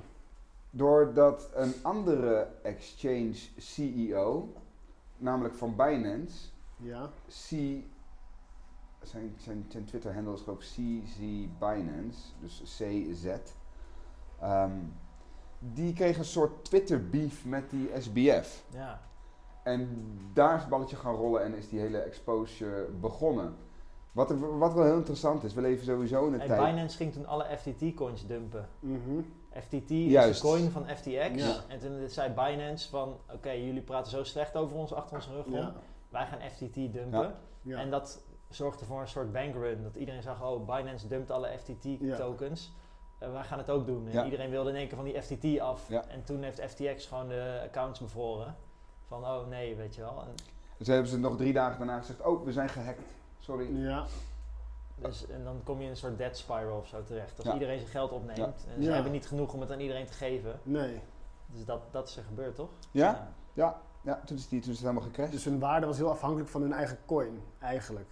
Dus als iedereen die coin op zou geven, dan zou Ja, die exchange ook niks meer eh, maar zijn. dat, dat is het sowieso met assets. Het is ook gewoon op een bepaalde manier zoveel waard als dat mensen erin vertrouwen. Ja, Als niemand eh, morgen meer in bitcoin vertrouwt, dan gaat iedereen zijn bitcoin verkopen en is het in Mhm. één klap niks meer waard. ja. En dat is wat daar gebeurd is. Ja. Dat, is- dat is die dead spiral die, eh, die Vincent... Maar mijn vraag eigenlijk was eh, Ja. van, denk je dat dit, eh, dat de crypto nog erbovenop gaat komen? Of dat het eh, nu een aflopende zaak is? Nou, die vraag kan je, kan, je, kan je breder trekken, want er wordt op dit moment in de wereld heel veel geëxposed.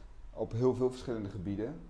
Op medisch gebied, Op ehm, politiek gebied wordt heel veel exposed. Er komt heel veel waarheid aan het licht.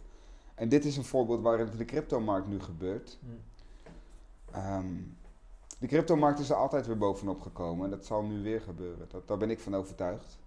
Ehm, het, eh, het consumentenvertrouwen, institutievertrouwen is nu wel lager, ja. Nou ja. Maar dit is niet de eerste keer. En dat is een kwestie van tijd. De factor tijd heelt alle wonden. Dat, die gaat wel op. Ja, Daar ga ik wel vanuit, zeker. oké. Mooi. Een van die, Ja. ehm, Ja. een van die redenen waarom eh, het huidige systeem niet meer werkt, toch, fiat systeem, is dat het niet meer aan goud gekoppeld is, toch? Dat is vaak de. Sinds de dollar niet meer met, eh, eh, gekoppeld is aan goud, toen, eh, toen konden ze maar bijprinten. Ja. Waarom. Dus crypto is een antwoord daarop en dat is alsnog op niks ge- gebaseerd. Waarom is er geen crypto die op goud, die ook ge- aan goud gekoppeld is? Of bestaat die wel? Het bestaat wel. Oké. Het bestaat. Welke, welke is dat? Weet je niet. Maar volgens mij was er een waar je zelf een keer mee kwam. Dat Elgorand. Was dat ja, ook maar niet dat, ook? is- ja, is- dat heet e-gold, maar dat is niet, dat zit niet eh, goud achter, zou ik maar zeggen. Ehm, zijn er nog, er is nog iets, hoe heet het ook weer? eh, Glint. Je kan, wat gewoon mogelijk is, je kan, een, eh, je kan een creditcard hebben van Glint. Of ze in Nederland actief zijn, dat weet ik niet. Maar dan kan je dus gewoon overal ter wereld waar je met de creditcard kan betalen, kan je daar ook mee betalen. Ja. Maar dat is niet gekoppeld aan dollars of euro's, maar aan goud. Goud. Dus op het moment dat de goudprijs op een dag heel hoog is en je, Ja. dan, en je daarmee, dan kan het wel eens gunstiger zijn om met je Glint-kaart te betalen in plaats van met je Ja. normale bankpas of Dus creditcard. je koopt een glint en die glint is dan ergens in een kluis gekoppeld Ja. aan een stuk goud of zo. Ja, en zo zijn er een paar projecten. Ja. En dit was er eentje van. En dat zit dus echt ergens in een kluis in Zwitserland. En dat is dan ook echt gewoon zo van, ze hebben die, die, die blockchain. En we Ja. zeggen van oké, zoveel tokens, kan niet bijdrukken, staat gelijk aan zoveel goud. En dat goud dat is er dus ook echt. En dat is Ja. allemaal gecertificeerd en allemaal, weet ik veel wat. Ja, dat bestaat. Wat me ook wel, want net dus blijkbaar de Amerikaanse overheid, de grootste of een van de grotere mafioso organisaties van de wereld natuurlijk, net als andere overheden, die gebruikt dus eh, crypto om hun dingen te witwassen. Ja, die hebben dus de cryptomarkt daarvoor gebruikt. Wat eigenlijk wel heel erg gunstig is in mijn oren. Opeens besefte ik van oké, uiteindelijk, zometeen als ze die digital, European Digital Currency of Euro- CBDC's. CBDC's eh, introduceren. De overheden blijven natuurlijk gewoon dirty. Die blijven natuurlijk gewoon geld witwassen. En ze blijven dirty praktijken, mensenhandel, whatever, funderen. En, dus zij hebben ook uiteindelijk crypto nodig. Ze blijven crypto nodig hebben om dat mogelijk te maken. Ze gebruiken het nu al. Dus alsnog is er ook. Maar er was, wat was in, in, in die constructie van het witwassen was natuurlijk één ander element heel belangrijk. En dat was oorlog. Mhm. Oorlog was ook een, een, een, een, een, een puzzelstuk in die witwascyclus Mhm. tussen, eh, met Oekraïne en dat hele FTX gebeuren. Mhm. Ehm, maar maar ma- ja, maak hem even af. Jij zegt, ja, Dus, dus de angst is een beetje van, oké, zo meteen komt er een ECB, CBDC, CBD, ja. dus één digital currency en die moet je gebruiken en daarin word je betaald en gecontroleerd en slaaf gemaakt eigenlijk. Alle andere crypto's gaan van de baan, die mag je niet meer gebruiken en ehm, daardoor cash gaat al weg, dus je zit vast aan dat systeem. dat is wel de natte droom van de elite, ja. Ja, maar dan heb je natuurlijk de elite alsnog die toch ook hun geld moeten witwassen en dirty praktijk, weet je, gewoon eh, loesje zaken moeten funderen. Zij gaan uiteindelijk ook crypto's gebruiken en dat doen ze nu al. Nou, ik, ik, ik- Ah. Dus is er ah, ja. voor de people ook altijd Ja, ja, eh, hoop. Want ja, ja, als zij het doen, dan doen wij het ook en dan Zij zijn we het ook vrij. nodig eigenlijk. Dus zij hebben het ook nodig. Ja, ja. Wij hebben het nodig. ja, ik, ik, ik, ik Dus, hoor wat je ja, zegt. Ik hoor wat je zegt. Ik, en, die, en het zou kunnen, hè, zoals je die theorie beschrijft. Ik, zelf geloof eerder in een theorie waarin ze het zo waterdicht willen maken dat inderdaad die crypto's er dan niet meer zijn. Dat er nog wel een aantal crypto's zijn die ondersteunend zijn aan die verschillende CBDC's. Dus, dus XRP, XLM, IOTA, Algorand, ehm, Quant. Dus een aantal van die, ehm, van die munten die dan wel, of tokens, assets eigenlijk, die nog wel zouden blijven bestaan. Die dus eigenlijk een rol spelen in de back-office van dat nieuwe CBDC gebeuren.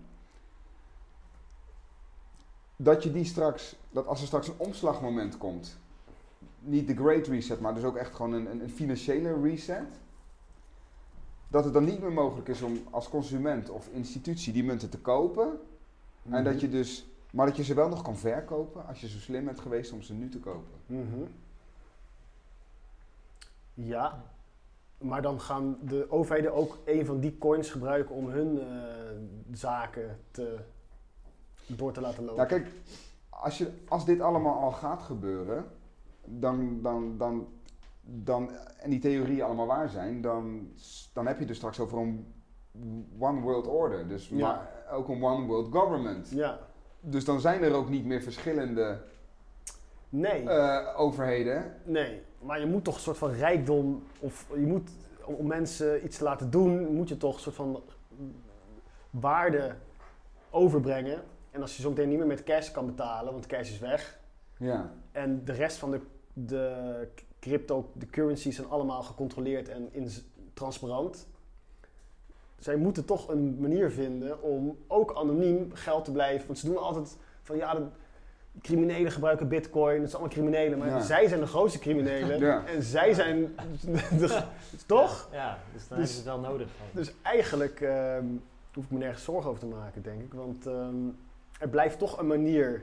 Want zij, zij zijn de grootste belanghebbenden van een manier om anoniem geld of waarde over te brengen. Want zij controleren de wereld, toch? Dus Zo zie je dat.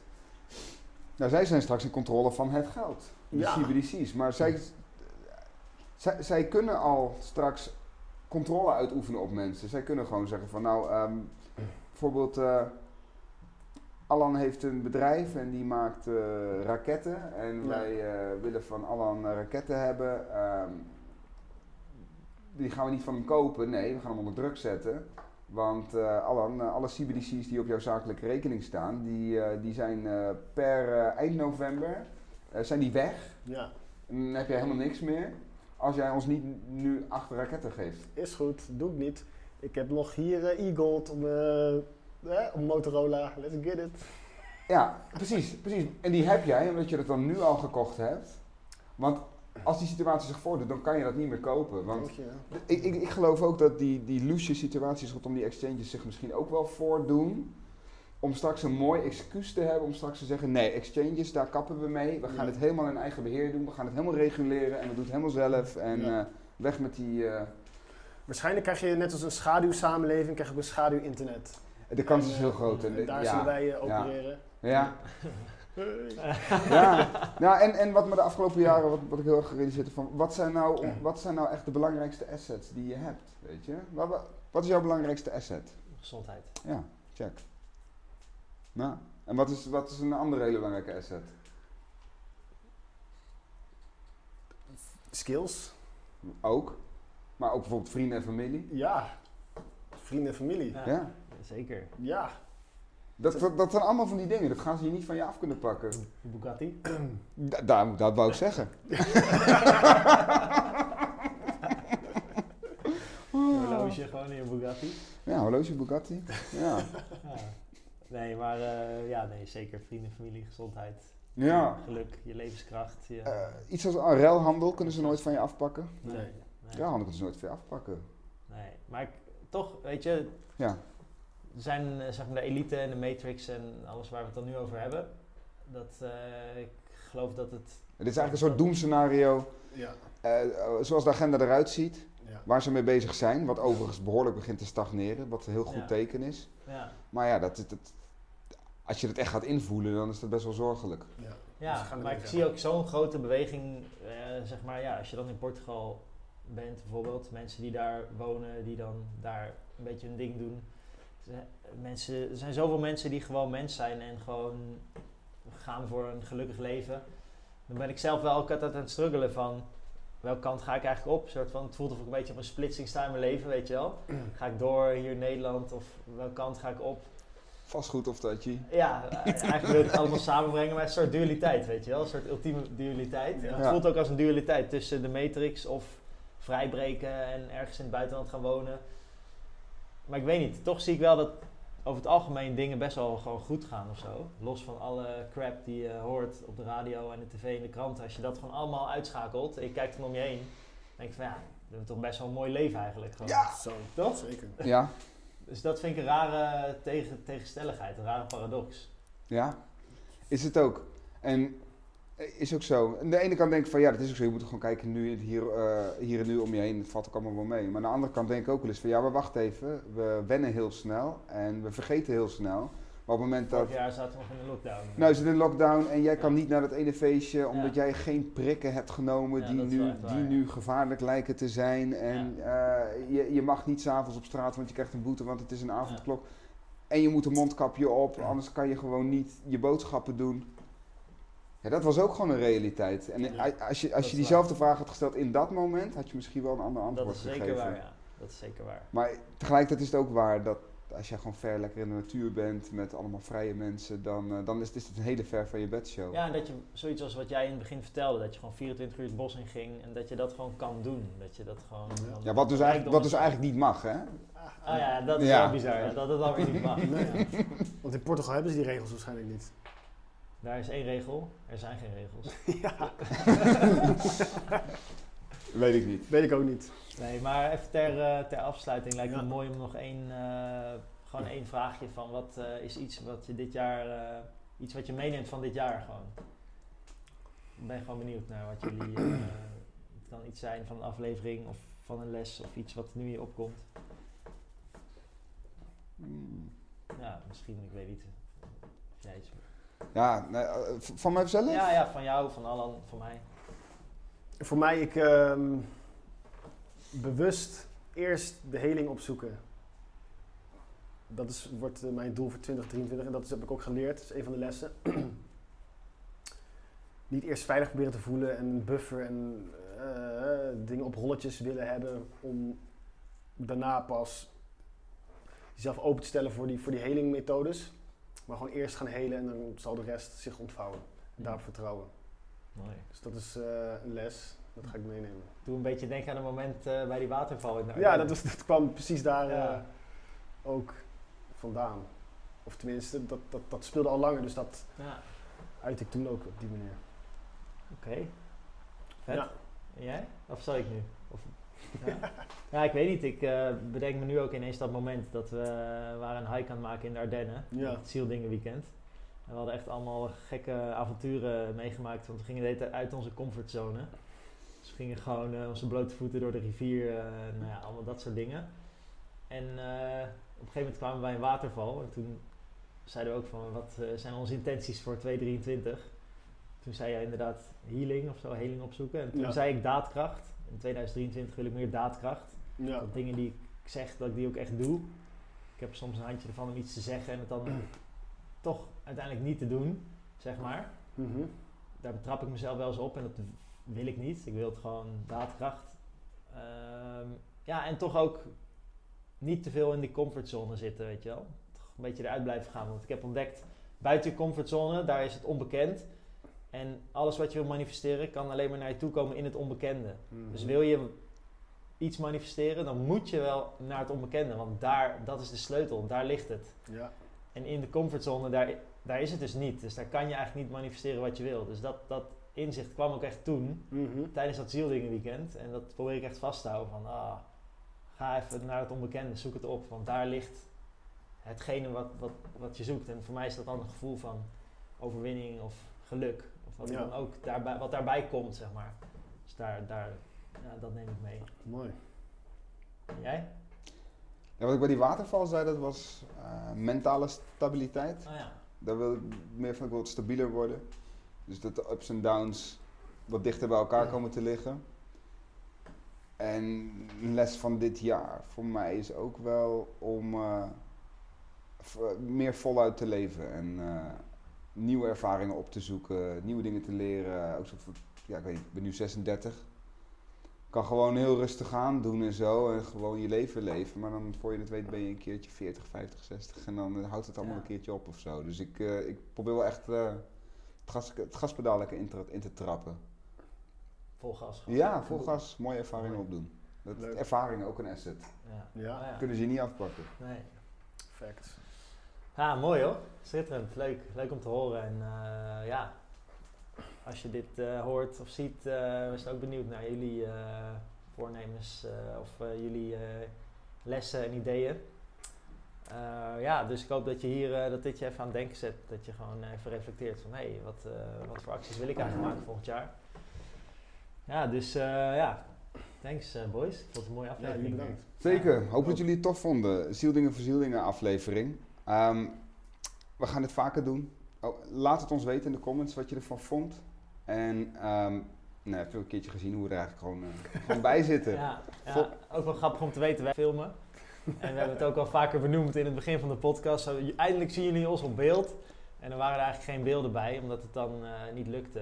En uh, we hebben best wel veel geprobeerd. En met vallen en opstaan. Dus het is echt mooi dat het nu eindelijk zover is. Dus ik wil jullie met name bedanken als soort van technische mannen dat jullie fixen.